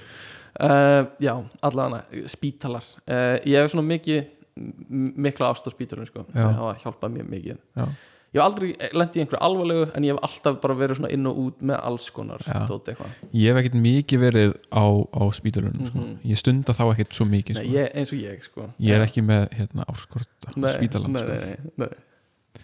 Nei, ég, ég reyndar þú veist, hérna uh, þegar pappi minn lendi í slisi þá veist, fór ég oft á Mhm. heimsækjan á spítalan uh, og það var eitthvað svona ég veit ekki, kannski er eitthvað öðru sig að vera aðstandandi heldur en Mhm. þú veist, hérna, sjúklingur, ég veit það ekki. En það er alltaf einhvern svona þú veist, það er alltaf mjög vingjallegir og Mhm. til að hjálpa og, og, hérna, en það er samt einhvern veginn svona um, náttúrulega úkslega svona sterilt Já, umhverfi já. og ekkert eitthvað svona þetta er ekkert nei, staður að vera á þannig. En kannski líka bara eitthvað sem að veit einhvern veginn hvað fyrir þarna fram? Og þarna er, veist, það er vikt fólk og veist, það er svona og þú veist að þurfa líka öll eins og yfirborð að vera þannig að það sé auðvelt að hreinsa þau. Já, svona hvít dúkalögð gólf Já. það er örugglega auðvelt að skúra þau eða eitthvað svona. Já, og uh, einfaldi stólar öll fötin hjá starfsfólkinu er náttúrulega eins Já. basically. Hvít, ég held að það séu hvít til þess að þú veist, sína þau séu hrein. Ég held að það sé svona grunar að það sé pointið svona upphaflega mm, að þú veist, hvít föt, þá sérðu allan skít þú sérðu að þetta er hrein, hreint. Uh, ef ég ætti að gisk með minnir að ég hafa einhvern mann séð eitthvað um það. Um, þetta er rosa stil, sterilt sko. Mhm, og uh, þú fær djús, appisinu djús er svona minningi mín líka á þessu. Uh, þannig að já, algjörlega sko. Spítalar, en he heilbreyðisgerin heilsugerin heilsugerin mm. sko ég ætlaði kannski ekki að, að skona, já, það sem ég var með var kannski ekki endilega tengt hérna, endilega heilbrigðis þjónustu beint heldur meira svona svona heilsu yðnaðin svona health industry pælingar. Já, já, uh, og fyrir mér kristallast það svolítið mikið í því bara hvaða er mikið kjaftaði í gangi. Já, algjörlega sko. Uh, og hérna misvísandi, skilaboð um alls konar, það er allir að reyna að græða peninga á þér uh, það er allir að reyna að fá þig í sitt prógram uh, og, og það verður alltaf bara einhvern svona þráhyggju uh, og þetta tengist ekkit þetta er bara komið á þann stað að þetta tengist bara peningum. Það er allir bara að reyna að fá, fá peningana peningana þína flækja hlutuna allt og mikið uh, því að þú eins og við vorum að tala um þú þetta er ekkert flókið þannig séð. Svona í prinsipi. Bara hætt að vera með krabba minn Já. Nei, þú veist, ég, er, þú ég er ekki að tala um sjúkdóma ég er meira að tala um svona, nei, veit, svona já, algjörlega. Og hérna uh, já, þú þetta, þetta er svefn þetta er næring Mm. þetta er reyfing Mhm.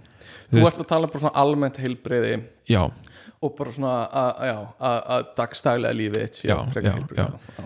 og hérna þú veist, auðvitað getur þetta verið mjög flókið þú veist, Mhm.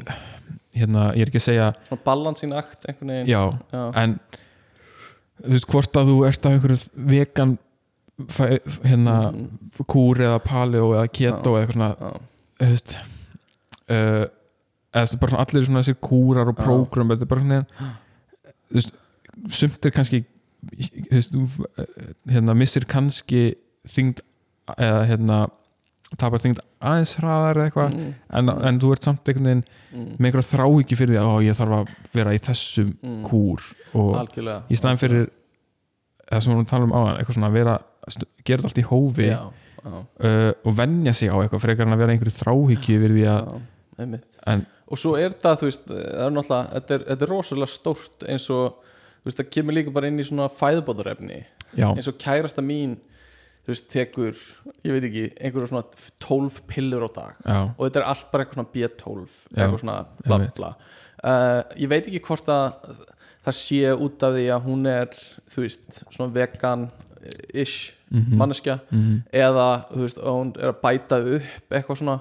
En, Ég, það er enda með vegan þú veist, ef þú ert hérna vegan að þá þú veist, þarftu að taka B12 en já, uh, það, ég held að ég var einmitt að lesa það bara í gæri fyrir að taka bara mjög hátt hlutvall þeirra sem að eru vegan mm uh, og taka ekki B12 já, þjást af B12 skort já, sko. já. En- einmitt, en eins og ég, veist, ég tek lýsi.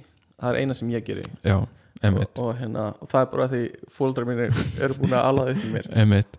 En jafnvel það, þú veist, manni var sagt einhvern veginn að lýsi væri bara eitthvað töfra efni sem bara, sem bara læknaði kvef þú, bara, þú já. færð ekki kvef ef þú tekur lýsi. Verður stór og sterkur og lík, bara svolítið eins og mjólk var selt bara þú brýtur beini bara því að standa upp ef þú drekkur ekki einmitt, bara þú ert með kalk, bara einmitt. beinþynningu en það er það sem ég er að tala um það er alltaf bara að reyna að selja þér einhverja vöru eða einhverja hugmynd eða, þú veist, mínu lýsi er ekkit óholt en þú veist, það er ekkit eitthvað fyrir að bjarga lífinu það er bara kreistur fiskur, ólíjan úr því. Þú er einhver búin að vinda fisk vinda fisk og eitthvað svona eitthvað svona viskustykki og svo viskustykki í kranu og eitthvað, eitthvað túpu. Mm en ég meina þetta eru omega 3 fytusýrunar omega 3 fytu það sýrur eru þrjár omega, fytu, omega 3 fytusýrur omega 3 fytu sýrur omega 3 já, uh, já, þú veist, ég meina og ég meina taka vítamín þú veist, en, víta þín? Nei, þín. Já, víta mín, Já. mínin. Já. já, já, já, já. uh, ok. þú veist, það er mjög gott. Ekki fucking snert En- að víta mínin mín. en hérna, en það er samt einhvern veginn svona, þú veist, ok. Þú veist, öll þessi glös sem þú sérði einhver svona hilsubúðum með einhver svona grilljón tegundum af töflum. já, mér finnst það ótrúlegt. Mér finnst þetta ótrúlegt. Hvaðan kemur þetta? Þú veist, þetta, þetta er, þetta er þú veist, ok, ég meina eitthvað af þessu er kannski, þú veist, Mhm. þú getur hérna, þú veist, verið með skort á einhverjum, Mhm. einhverjum næringarefnum og einhverjum steinöfnum og játni og vítamínum og Mhm. eitthvað, þá náttúrulega tekuru Mhm. þú veist, það sem vantar upp á Mhm. en þú veist, mikið af þessu er bara svo mikill óþarfi Mhm. uh, og, og já, öll þessi fæðubótar yðnaður og þegar maður hlustar á podcast sem að 90% eru, eru styrt af einhver svona fæðubótar oh og maður heyrir svona auglýsinguna sem er alltaf svona já sko ég tók þarna uh, þarna eitthvað svona BioPro Já, Max já. Plus Já. uh, eitthvað svona og ég bara- Mind eitthvað, eitthvað, ég þarf að taka það bara á hverjum degi ég finn svo mikið mun á mér og ég ætla ekki að gera lítið úr þeirra upplifun en hversu mikið er þetta alvöru upplifun og hversu mikið er þetta söluræða og Þetta er allt hérna allt tengt þessu miðnaði hversu mikið er bara Já. söluræða sko. að bara 90% eru glæð Mm. sko. En þú veist, í mínum huga eru hlutinir ekki svona flóknir eða þú veist balanced mataræði Já.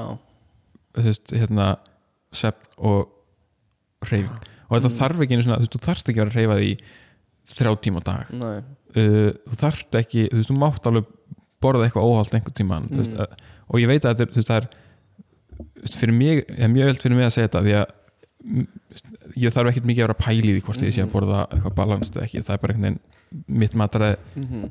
er bara einhvern veginn þannig, sumum eru einhvern veginn Mhm. uh, erfið að Mhm. hafa þetta balanst en þú veist, það þarf samt ekki einhverjar svona Mhm. að láta selja sér einhverjar Mhm. pælingar Við höfum samt að rætt alls konar svona og meðal annars uh, kaldan og heitan bót já, uh, og þá held ég að þín skoðun og við höfum oft enda á því að þú veist placebo er bara næs mhm, ef það virkar. Mhm. Þú veist, ef þér finnst eitthvað vera að gera eitthvað fyrir þig mhm.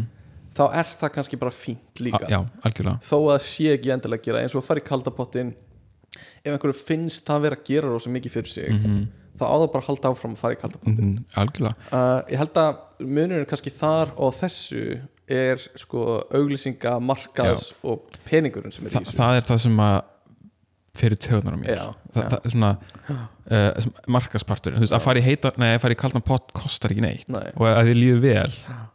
En líka, ok, þú veist, ef þið líður vel að, ta, að, veist, að fá einhver fæðbóðrefni eða að gera eitthvað sem að kostar þig Mhm. pening ég, veist, ég ætla ekki að segja einhverjum að gera það ekki. Nei. uh, Nei, nei, samt veist, að segja einhverjum að að gera- nei, nei, nei, nei, segja einhverjum að ég ætla að segja þér að gera það ekki uh, en hérna, já, ég held að bara að það sé mikið svona óþarfi svona, það er svolítið þannig. Og þetta er náttúrulega bara yðnaður þetta er bara orðið yðnaður og við erum svolítið bara markaðurinn sko. já. Og já það, já, það er bara þannig. Og, og hérna þetta verður margir svona ógisleir yðnaðar ég veit ekki hversu harður maður á að vera spretta upp. Eins og bara smá ótengt en þú veist líka bara eins og útfarar yðnaðurinn finnst mér einn svo ógislegasti sko. Já, um, og bara hvað er smurt vel á og hvað uh, sko samviskupið er notað mikið í því. Mhm. Bara svona guilt tripping er notað svo mikið í svona veist, við erum alltaf með þessa kistu en svo fyrir fólk sem elskar ættingina sína mjög mikið þau fara í þessa dýrari. Mhm. Og hérna, það er svona hefðbundið að það séu pantaði kransar og blóm fyrir 400.000 mhm. Þið ráðið hvað þið gerir eitthvað svona og þetta er bara versta tíma fólk er á sínu lagsta punkti uh, fólki sem er í þessum bransa veit Þetta hvað það er að gera. uh, þetta er mjög siðlaust uh, og þú veist ég veit ekkert hversu margir eða hversu mörgum margir hafa skoðun á því hvernig útförið er á að vera. Einmitt. m- mér núna alveg sama það væri næst kannski að vini mínu heldur partí eða þú veist Já. eitthvað svona eftir það Mhm. uh, en hérna útförun sjálf er, væri meira fyrir fóldra mína akkurat núna heldur en já, annan uh, en hérna uh, en þú veist ef að, ef að hérna útfara fólki er að fara að reyna að selja fóldra mínu með eitthvað með einhverju gildtrippi bara það síðasta sem ég vil sko. já, það er bara hræðileg tilhugsun Já. ég, ég skil alveg að fólk vilja að útfarirnar séu eins og fallegar og það er geta orðið því að þetta er einhvern veginn síðasta Trefjaríkar og góður Já. já, þú ert að tala um hins einu útför. Já, já, já, mm, mm, ok, sorry já, mm, ég var að já, nei, já, nei, auðvitað sko, bara eins svona, bara svona friðsælar, eða ég veit ekki hvað það er. Já, bara, þú veist, bara þannig að veist, í rauninni er mér alveg sama veist, mm. bara mitt nánast að fólk skipulegur það bara eins og það vill Mm muna eftir mér. Eða þú veist, mm. þetta snýst þetta, er svona eiginlega síðasta mm. minningin sem þú hefur já, um manneskjuna áður en hún þú einmitt, veist, eh, áður en hún sér þannig aldrei aftur já, þú veist. smá mm uh, þannig að en þú veist, að nota einhver svona, svona sálfræðileg Mm. tricks til að græða meiri pening er bara eitthvað, já, og allt er svo söttul sko. já, já, já. Það, er, það er ekkert það að segja eitthvað svona uh, augljóst sko. mm um, en allavega, já. Mér langaði þetta vegna þess að þú nefndir ísbað mm. ég hérna í spað? Ís, ísbað og ég lemja þig. Í spað? Uh, ég fann hérna ég, já, það er annar punktur sem er svona svipaður. Sorry, er danska sló ég íl já, er það að senda einhvern í íspað? Já, og ég lemja þig í spað. Já. Ok, Já. bara koma bara þér þér mm -hmm. það var það afgreitt. Það er afgreið uh, þið geta hægt að senda okkur posta um þetta? Já, mm -hmm. Nei, ísbað uh, ég heyri bara í spað sko. í, ís bað. bað. Mhm. uh, já, það sem ég ætla að segja maður, þegar maður leð líka er ótrúlega mikið af upplýsingum á netinu og maður, ég- maður tristir en, engu af, af einhverjum svona Já, health and fitness upplýsingum á voða netinu. lítið, uh, og ég, ég var eitthvað svona hérna fyrir þáttinn þá var ég eitthvað svona að googla með ísbað bara svona, hvað, þú veist, er einhver svona scientific Mhm. consensus um Mhm. ísböð Já. uh, og maður ég, hérna, það var svona fyrsta sem ég hérna kom upp var, var eitthvað frá einhverju síðu og hérna greinin heitir Most common reasons people avoid ice baths Já, og ég svega and why you shouldn't já, og eitthvað svona svo kemur svona uh, hérna svona ísbaðs svona uh, myths mhm, uh, svona nokkur af þannig og svo svona er það að reyna að afsanna það eitthvað Mhm. og svo fór ég svona að sko, ok, hvaða síða er þetta? mhm Já, icebarrel.com mm, sem er söluðali fyrir einhver svona Já. ístunn Já, já, já og svona, ok, ég engu af því sem þið segið nei, nei. Þetta er, já, þetta er alveg skelfilegt að finna sér einhverjar áræðilegar upplýsingar Ég held að sé líka bara rosa erfitt að rannsaka það sko. En, en hérna um, eins og ef maður er að skoða einhver svona Instagram eða TikTok og maður kemst inn í einhver svona fitness uh, algoritma Já, eitthvað, þá sér maður held ég rosa mikið bara eitthvað svona ég vissi ekki að þrýhæði minn hefði getað stækkað svona mikið áður en ég gerði þessa æfingu Já, eitthvað svona, og svo kemur æfing og svo kannski þremur vídjum seinna er hérna, ekki gera þessa æfingu heldur gerði þessa æfingu. Virk, og það er akkurat, þú veist, verið að tala um hína akkurat öfugt við. Þannig að þetta er bara eitthvað sko. Já, en það er líka hérna, það sem er punkturinn minn áðan þetta þarf ekki að vera svona flókið. Ok, okay. það eru til grilljón þrýhöfðæfingar já, en þú þarft ekki þú veist, fyrir venjulega mannesku sem er ekki bodybuilder þá skiptir ekki máli hvaða þrýhöfðæfingu þú gerir. nei, nei, þú veist, þú gerir bara einhverja þrýhöfðæfingu og Já. Þú verður heldur þrýhöfðæningum sterkum. Já, já, sennilega sko. Uh, algjörlega, þannig að það er oft verið að flækja svona og hérna, það er nú bara gert oft til þess að búa til content og selja efni. Já. má ég segja eitt viðbútt mm, ok, uh, ég verð að fá að tala um eitt já, sem að heitir Osteostrong hefur þið heyrt um það? ekki. Ek, ekki heyrt um það? ekki, ekki. ekki. Ekki, Uh, ekki. það er svona, fyrir mér er þetta svona uh, bara svo mikið svona skýrt dæmi með það sem ég var að tala um.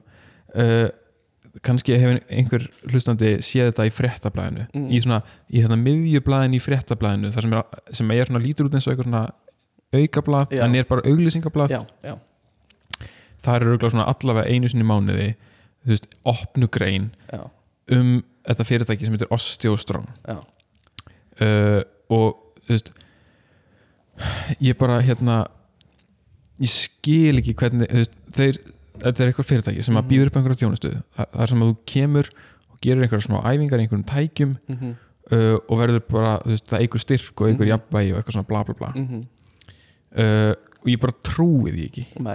Uh, hérna, veist, á heimasínu stendur með því að gera æfingar einu sinni í viku sem taka innan við 10 mínútur mhm, geta notendur aukið styrk sinn um 73% á einu ári. Ok. Jafnvægi getur aukist um 77% eftir aðeins 5 skipti. Ok.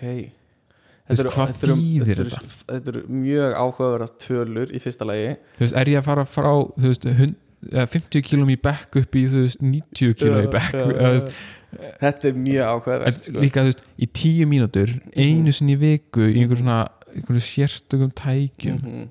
uh, bara, þetta er þetta er, þetta er bara svona keimlíkt og þú veist bumbubaninn og öll þessi hristutæki sem voru í, í þú veist úr sölutorkin í gamla daga þú veist eh, einhver dót sem þú getur stíða og það hristist og, já, og hérna svona hristilóð sem er eins og þú sést að fróa einhverju tippi og eitthvað svona einmitt. bara eitthvað fáránlegt ég var að horfa á YouTube myndband bara um daginn um eitthvað svona mental health tæki sem þú getur sett á hausina þér og þau greina þú veist, einhverju svona heila bóð hjá þér og þú ætti að einbytta þér og, og þá þú veist, áttu að minka hérna kvíða og eitthvað svona Já. bara allt bull Bara en kjaftæði. kostar þú veist 50 skall tækið Mhm, mhm. Og það er allt skrifað einhvern veginn eins og þess, þetta, þessi lýsing þarna Já.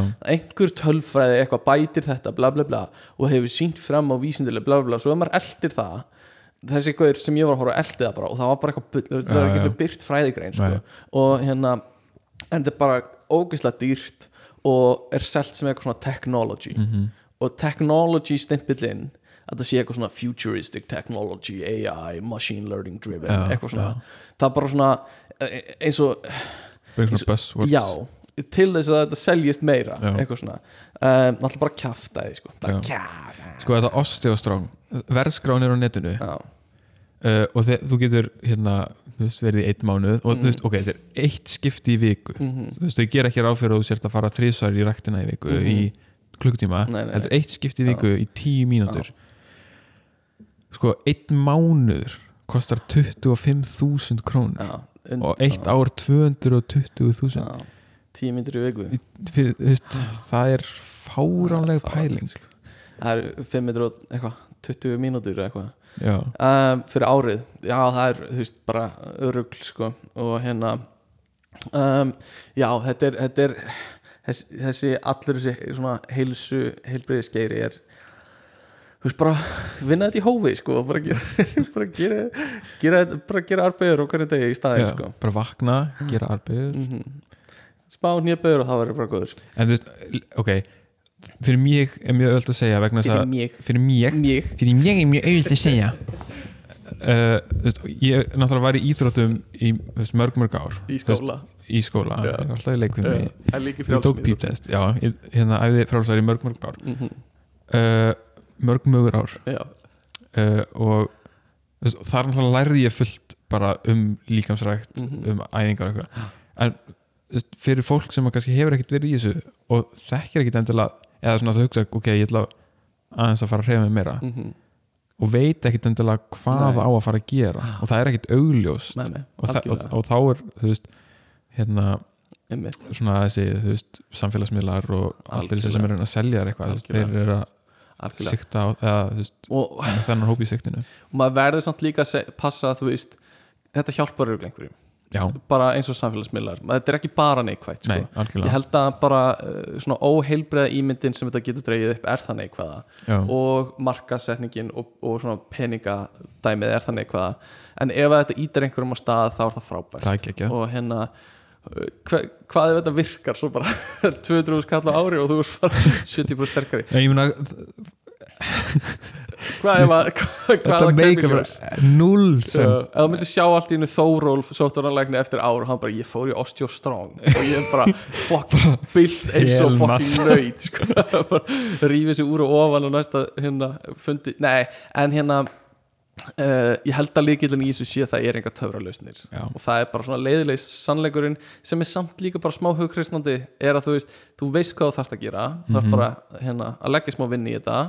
Uh, það er sko ferlið, þetta er líka þetta á ekki að snúast um áfangastæðin heldur vegferðina. Já. og að þú getur fundið sko hérna veginn tilgang og nöytn í því að, að stunda vegferðina þá á það bara að vera kostur sko. Já, að hérna þetta snýst um vegferðin ekki áfangastæð sko. Að því líka bara þegar þú ert komin á áfangastæðin hvað ætlar að gera að þú nöst ekki vegferðirinnar já. Að þetta er ongoing vegferð sem verður að vera bara Nei, ég meina, ef þú nýtur Áfram. ekki vekkferðina þá náttúrulega nennir ekki að halda áfram nei, nefnilega, þannig að þú þarfst að finna nöytnina og tilgangin í vegferðinni í staðin fyrir áfangastæðinum já, uh, og það er st- stóri svona stærsta í þessu held ég og líka uh, bara svona jákvað í þessu er að Já. hérna uh, þú þarf bara svolítið að stempla á það frekar en áfangastæðin sko. Mhm. uh, en hérna sko mér langaði, við ætlum ekki að gera það en, en hérna að taka tala um sko svona áhugaverða unusual deaths dauða. Ok. Og þetta er í rauninni efni í allavega eitt þátt ef ekki serju af því Ok. það er listi á Wikipedia um hérna sem heitir bara List of Unusual Deaths. Og það er fáránlega langur listi það sem er búið að taka saman bara fólk sem dó á bara mjög skrítin hátt. Ok, og bara það fyrsta á listanum ef ég les það uh, þá er bara einhver hérna gauðir sem að, þú veist, þetta er í tímaröð þannig að þetta byrjar, þú veist 620 fyrir Krist. Næs Þannig að, og þetta er bara eitthvað hérna, einhver, einhver lögfræðingur í, hérna, í, í gamla dag í Gríklandi til forna hann hérna uh, hann var í rauninni hvað maður að segja, kæfður til dauða uh, undir gjöfum sem hann fjekk af hérna af einhverju svona, svona skikkjum og höttum sem fólk gaf honum uh, af því hérna, hérna af, af fólk bara svona citizen sem sá leikrit sem hann skrifaði eða eitthvað svona. Á, og bara fekk það mikið að gjöfum hann druknaði undir farginu. S- sko, sérstaklega hattar og skikk já, já, já, cloaks and hats. Uh, Nice. showered upon him by uh, appreciative citizens at a theater in Greece. Sko stóð hann bara fremst á sviðinu og allir köstu Já, eða, eða hann er, hann er einhver svona stór gæi í, í sko, lawmaking í Gríklandi og fólk er bara það hrifið af lögunum hans. Ah, að það var bara, ég þarf að þakka þið fyrir einhvern veginn. Hann er kannski bara situr í fremstu röð og horfa á leikritið eða eitthvað. Og þetta er bara að henda skikkjónu sínum yfir hann og höttunum sínum yfir hann. Og, og hérna, hann bara kapnaði af því. Um, og allan, þetta er, þetta er sko þetta er fáránlega langur listi í tímaröð. Uh, og hérna og það væri gaman, jafnvel að gera bara heilan þátt um, um þú veist, bara þetta sko. Og hérna, heldur það sé einhver rítstjóri fyrir þessa síðu sem sér eitthvað svona, einhver er búin að setja eitthvað inn og bara. "Nei, þetta er ekki nógu þetta er ekki nógu óeðlilegt."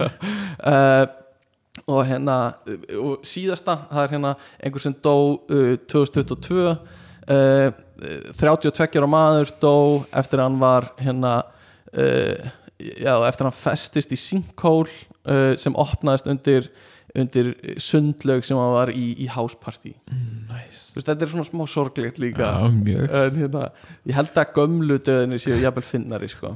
um, þannig að það gæti verið gaman að fara í gegnum svona finn, finna döðdaga bara í heilan þátt sko. um, allavega mér langar að loka þess að þætti á, á hérna, leik fyrir þig sem er hvaða skrýtni sjúkdómar er þetta? Ok, og þetta eru sjúkdómar sem geta komið fyrir hjá öllum eða veist, þetta eru alvöru sjúkdómar sem geta komið fyrir en eru mjög skrýtnir. Ok, og hérna ég ætla að lesa fyrir þig nafnið og þú ætlar að segja mér hvað heldur það sé. Ok. Uh, fyrsti er Auto-Brewery Syndrome Autobrewery syndrom mm þetta er, sumnefnin eru mjög lýsandi þannig að vonandi uh, er þetta, þú vinnur í brugghúsi ok, og þú ert mm, og þú ert alltaf fullur. Uh, í næstum því sko, þetta er sem sagt uh, sjúkdómur sem verður til út af ofvexti ákveðins típu af sveppum í Mm. maganauðinum. Já, þannig að, að það, það hérna svona, þetta er svona abnormal gut fermentation já. sem verður til á hlutunum sem þú borðar. Ofta er það mjög sigrað eða eitthvað slags þá í rauninni myndast áfengi í maganeinum mm. þannig að þú verður fullur bara sjálf á þess að drekka neitt áfengi. Já, ok. Það er bara eins og þessi verksmiða brugghús í maganum. maganeinum næs þannig að bara þú voru hérna í rauninni bara að þú borðar eitthvað sem er hægt að hérna gerja þá gerjast það í maganeinum og þú verður fullur að því þannig að þú ert svona konstantli fullur um, og þú bara hérna þarft að borða breyta mataræði og eitthvað svona. Um, næsta er persistent sexual arousal syndrome. Hvað er það það sé? krónisk stampína. Já, þetta er hérna na- basically það sko. Uh, þannig að, að þetta er fólk sem samt ekki alveg þetta er fólk sem lifir á barmi þess að fá fullnæðingu alltaf hmm. bara svona persistently. Ok, bara svona, þú veist, það er alltaf eins, þessi tilfinning eins og sést alveg að fara að fá það. En ert alveg að fara að fá það? Nei, ég held nefnilega ekki sko. Og hérna uh, jú, jú, ok, sko the sensation is partly relieved by an orgasm. Ok, þannig að það er bara svona, þú fær svona smá en, kvíld en, en, svo, en þú veist þarf þú veist þarf bara eitthvað smá til þess að þú ég held það. ekki sko, þú veist þarftu bara að gera eins og venjuleg manneskja. Já.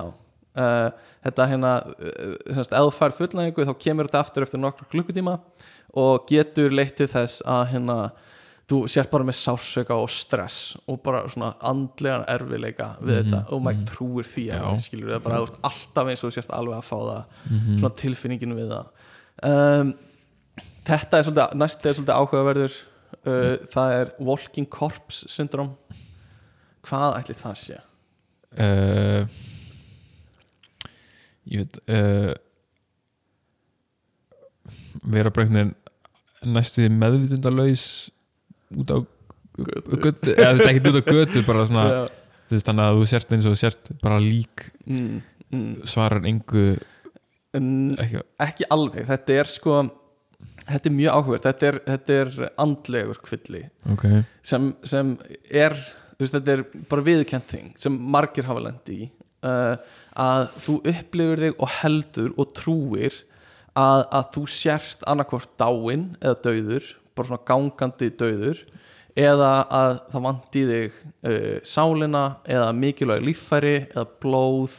Eða vantar á þig einhvern líkamspart þannig að þú stendur bara út í hotni og þú trúir því bara enginn sjáu þig að þú sért vofa og hérna að hérna já, að, að bara þú sért dáin sko. Já. og þetta er, þetta er eitthvað sem ég séð hérna eh, ég séð uh, svona fólk á YouTube sem er með þetta ok uh, svona umfjöldan um þetta og þetta er mjög áhugavert þetta sko. hljómar einstaklega áhugaverð og hérna það bara, uh, bara vill ekki koma með okkur hérna í sund? Nei, ég ég er dáin. og þetta er bara literally svona sko. Og þú getur talað við þetta fólk og bara reynd að færa það bara í skilningum að það sé á lífi og það bara nei ég er nefnilega dó árið 2017 í, í vinnuslýsi og fólk er bara trúir því virkilega sko og hérna oft hættir það að tala og tjá sig og hérna er eitthvað sem trigger þetta? Ekki, ekki svo ég viti sko. Þetta er bara andlegu sjúkdómur sko. Og hérna sumir halda þessu í rauninni ódöðlegir á þann hátt að það er búið að deyja og er orðið vofa sem getur ekki dáið aftur skilur mm og hérna uh, og bara fixeitar oft svolítið á dauðan sinn og hérna er svolítið fast með það á heilanum bara þegar ég dó þá bla bla bla og þú getur reynt að tala um eitthvað annað en það kemur aftur með bara já ég er náttúrulega dáin og ég dó eitthvað svona -hmm. mjög áhugavert er þetta varanlegt ástand? Þetta, já uh, veist, það er náttúrulega örgulega hægt að vinna gegn þessu, það er, þú veist cognitive be- behavioral therapy er notað gegn þessu og svo electrocompulsive therapy sem er uh, hérna raf sjokk einhver. Ok, uh, hefur, hefur verið notað sem svona lastersolt á, á móti þessu. Um, og kannski tvö í viðbót þetta er nú svolítið frægt foreign accent syndrome þú getur kannski Mm. dreigið hérna álíktanur um þetta já ég myndi þá halda að þetta sé eitthvað svona sem að, að sem þú fer að tala með hreim sem að þú hefur enga ástæði til að tala með Mhm. eða hefur aldrei í rauninni lært að Mm. tala með Mhm. eða, þetta er, já, þetta er þetta kemur oft hjá fólki sem fær heilablóðfall eða, eða hérna er með æxli í heilanum eða einhvers konar svona tauga tengt vandamál að þá vaknar það bara oft einn daginn og talar bara með öðrum hreim. Mm þú veist, það væri bara eins og ég myndi vakna einn daginn og færa bara að tala um bunga af einhverjum mjólkurfernum Mhm. og eru baukar hérna á kóki. Einmitt. nei, en hérna bara þú veist, þú, vaknar kannski býrð í, í, í, í Danmörku eða eitthvað og talar allt í nú með skoskum hreim. Já, einmitt og þú veist, þetta er ekki þannig að fólk læri nýjan hreim eða nýtt tungumál upp á þurru.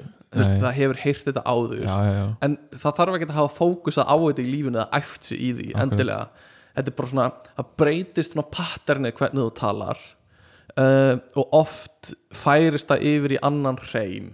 Þú veist, þetta er bara svipað og þegar fólk fær held ég uh, heilablóðfall og byrjar að tala öðruvísi mm uh, en þarna færist farvegurinn á talinu í einhvern þekktan hreim Mhm. skilur -hmm. um, svona, uh, ég held það sko og það, uh, þú getur farið í talþjálfun til að til að vinna gegn þessu og það er mjög frækt myndband á YouTube af gamalli konu sem vaknaði í daginn og hérna og ég man ekki, hún var búin að breyta alveg um hvernig hún talar ég man ekki nákvæmlega hvað en við getum sagt, þú veist, þetta var bara svona meðaldra kona í Breitlandi og hún var alltaf í henni farin að tala eins og einhverjur bara úr the hood í bandaríkjum Já, eða eitthvað. og börninin eru bara, veist, mamma mín hún talar ekkert svona, skilur hún er bara, what you gonna do? Eitthvað, skilur uh, en það er bara svona algjör svona viðsnúningur sko.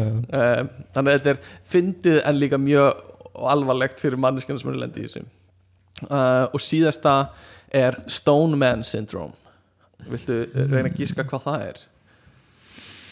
Nei, ég bara veit ekki sko uh, þetta er svolítið kannski leðilegt, er þessu en þetta er þegar svona uh, í rauninni það sem tengir beinin saman fyrir að hérna, fyrir að kalka svolítið og þannig að hérna, allir liðinir verða svolítið að steini sko. Mm. er erfið erfið að reyfa þig Tröllaveiki Já, í rauninni og hérna og stundum hérna uh, the condition usually starts from the shoulders and necks uh, making its way down the legs a second bo bone grows over the first one in the process known as hetero eitthvað. Second bone grows Já. over the first já, já þannig að fjúsar saman og svo byrjar að vaksa eh, ný bein sko. nice. og það er hægt að fjallaði þessi bein, já, ymmit en eh, hérna, það eru fleiri sem ég hérna fór ekki yfir eins og Human Werewolf Syndrome sem er þegar fólk er með bara hár allstaðar Já, og það eru frægar myndir úr Guinness eða Ripley's Believe It or Not um, um það. En I hérna, don't believe it. I don't believe it either.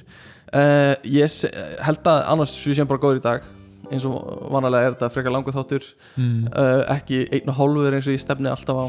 Uh, ég horf alltaf á tíman og sé bara 1.29 og ég bara, við erum aldrei að fara að ná við erum aldrei að fara að ná því. 29 horfur á skjalið. Ah. Svolítið mikið eftir. Hérna, ef ég væri með metnað þá myndi ég klippa út leðilu partana eða eitthvað. All, Alla mína, það sem ég í tala rauninni sko, í rauninni. Uh, en, en ég gera það ekki. Uh, í- þannig að við ætlum bara að enda þáttinn í dag segja bara hérna hafið samband ekkert frétta gm.com eða ekkert frétta Instagram. Ég reyna að gera þetta eins að ég get sko. Uh, uh, rauðin dagsins í dag er bara vatn. Við erum bara ferskir og góðir heilbreyðir í dag með vatnið okkar. Hver eru styrtalega þáttarins í dag? uh, Mömmur okkar. Mömmur. Hæ mamma ég er sáir á nýjandi maður kissa á bátti já ekki maður kissa á bátti svona er þetta ekki slagur þeirra? Já. hjá mömmum. Ég myndi vera alltaf vöruna og svo hvert er slagur þeirra um, þannig að- að hérna mömmur þær kissa á báttið uh, já, og eitthvað sem þú vilt bæta við í lókum að lókum uh, eh, nei, það held ég ekki. Þannig að við segjum bara takk fyrir að hlusta og hérna endilega hafið samband. Það er alltaf gaman að heyra frá okkur og hérna, já, segjum bara bæ skrumsklam skrumsklam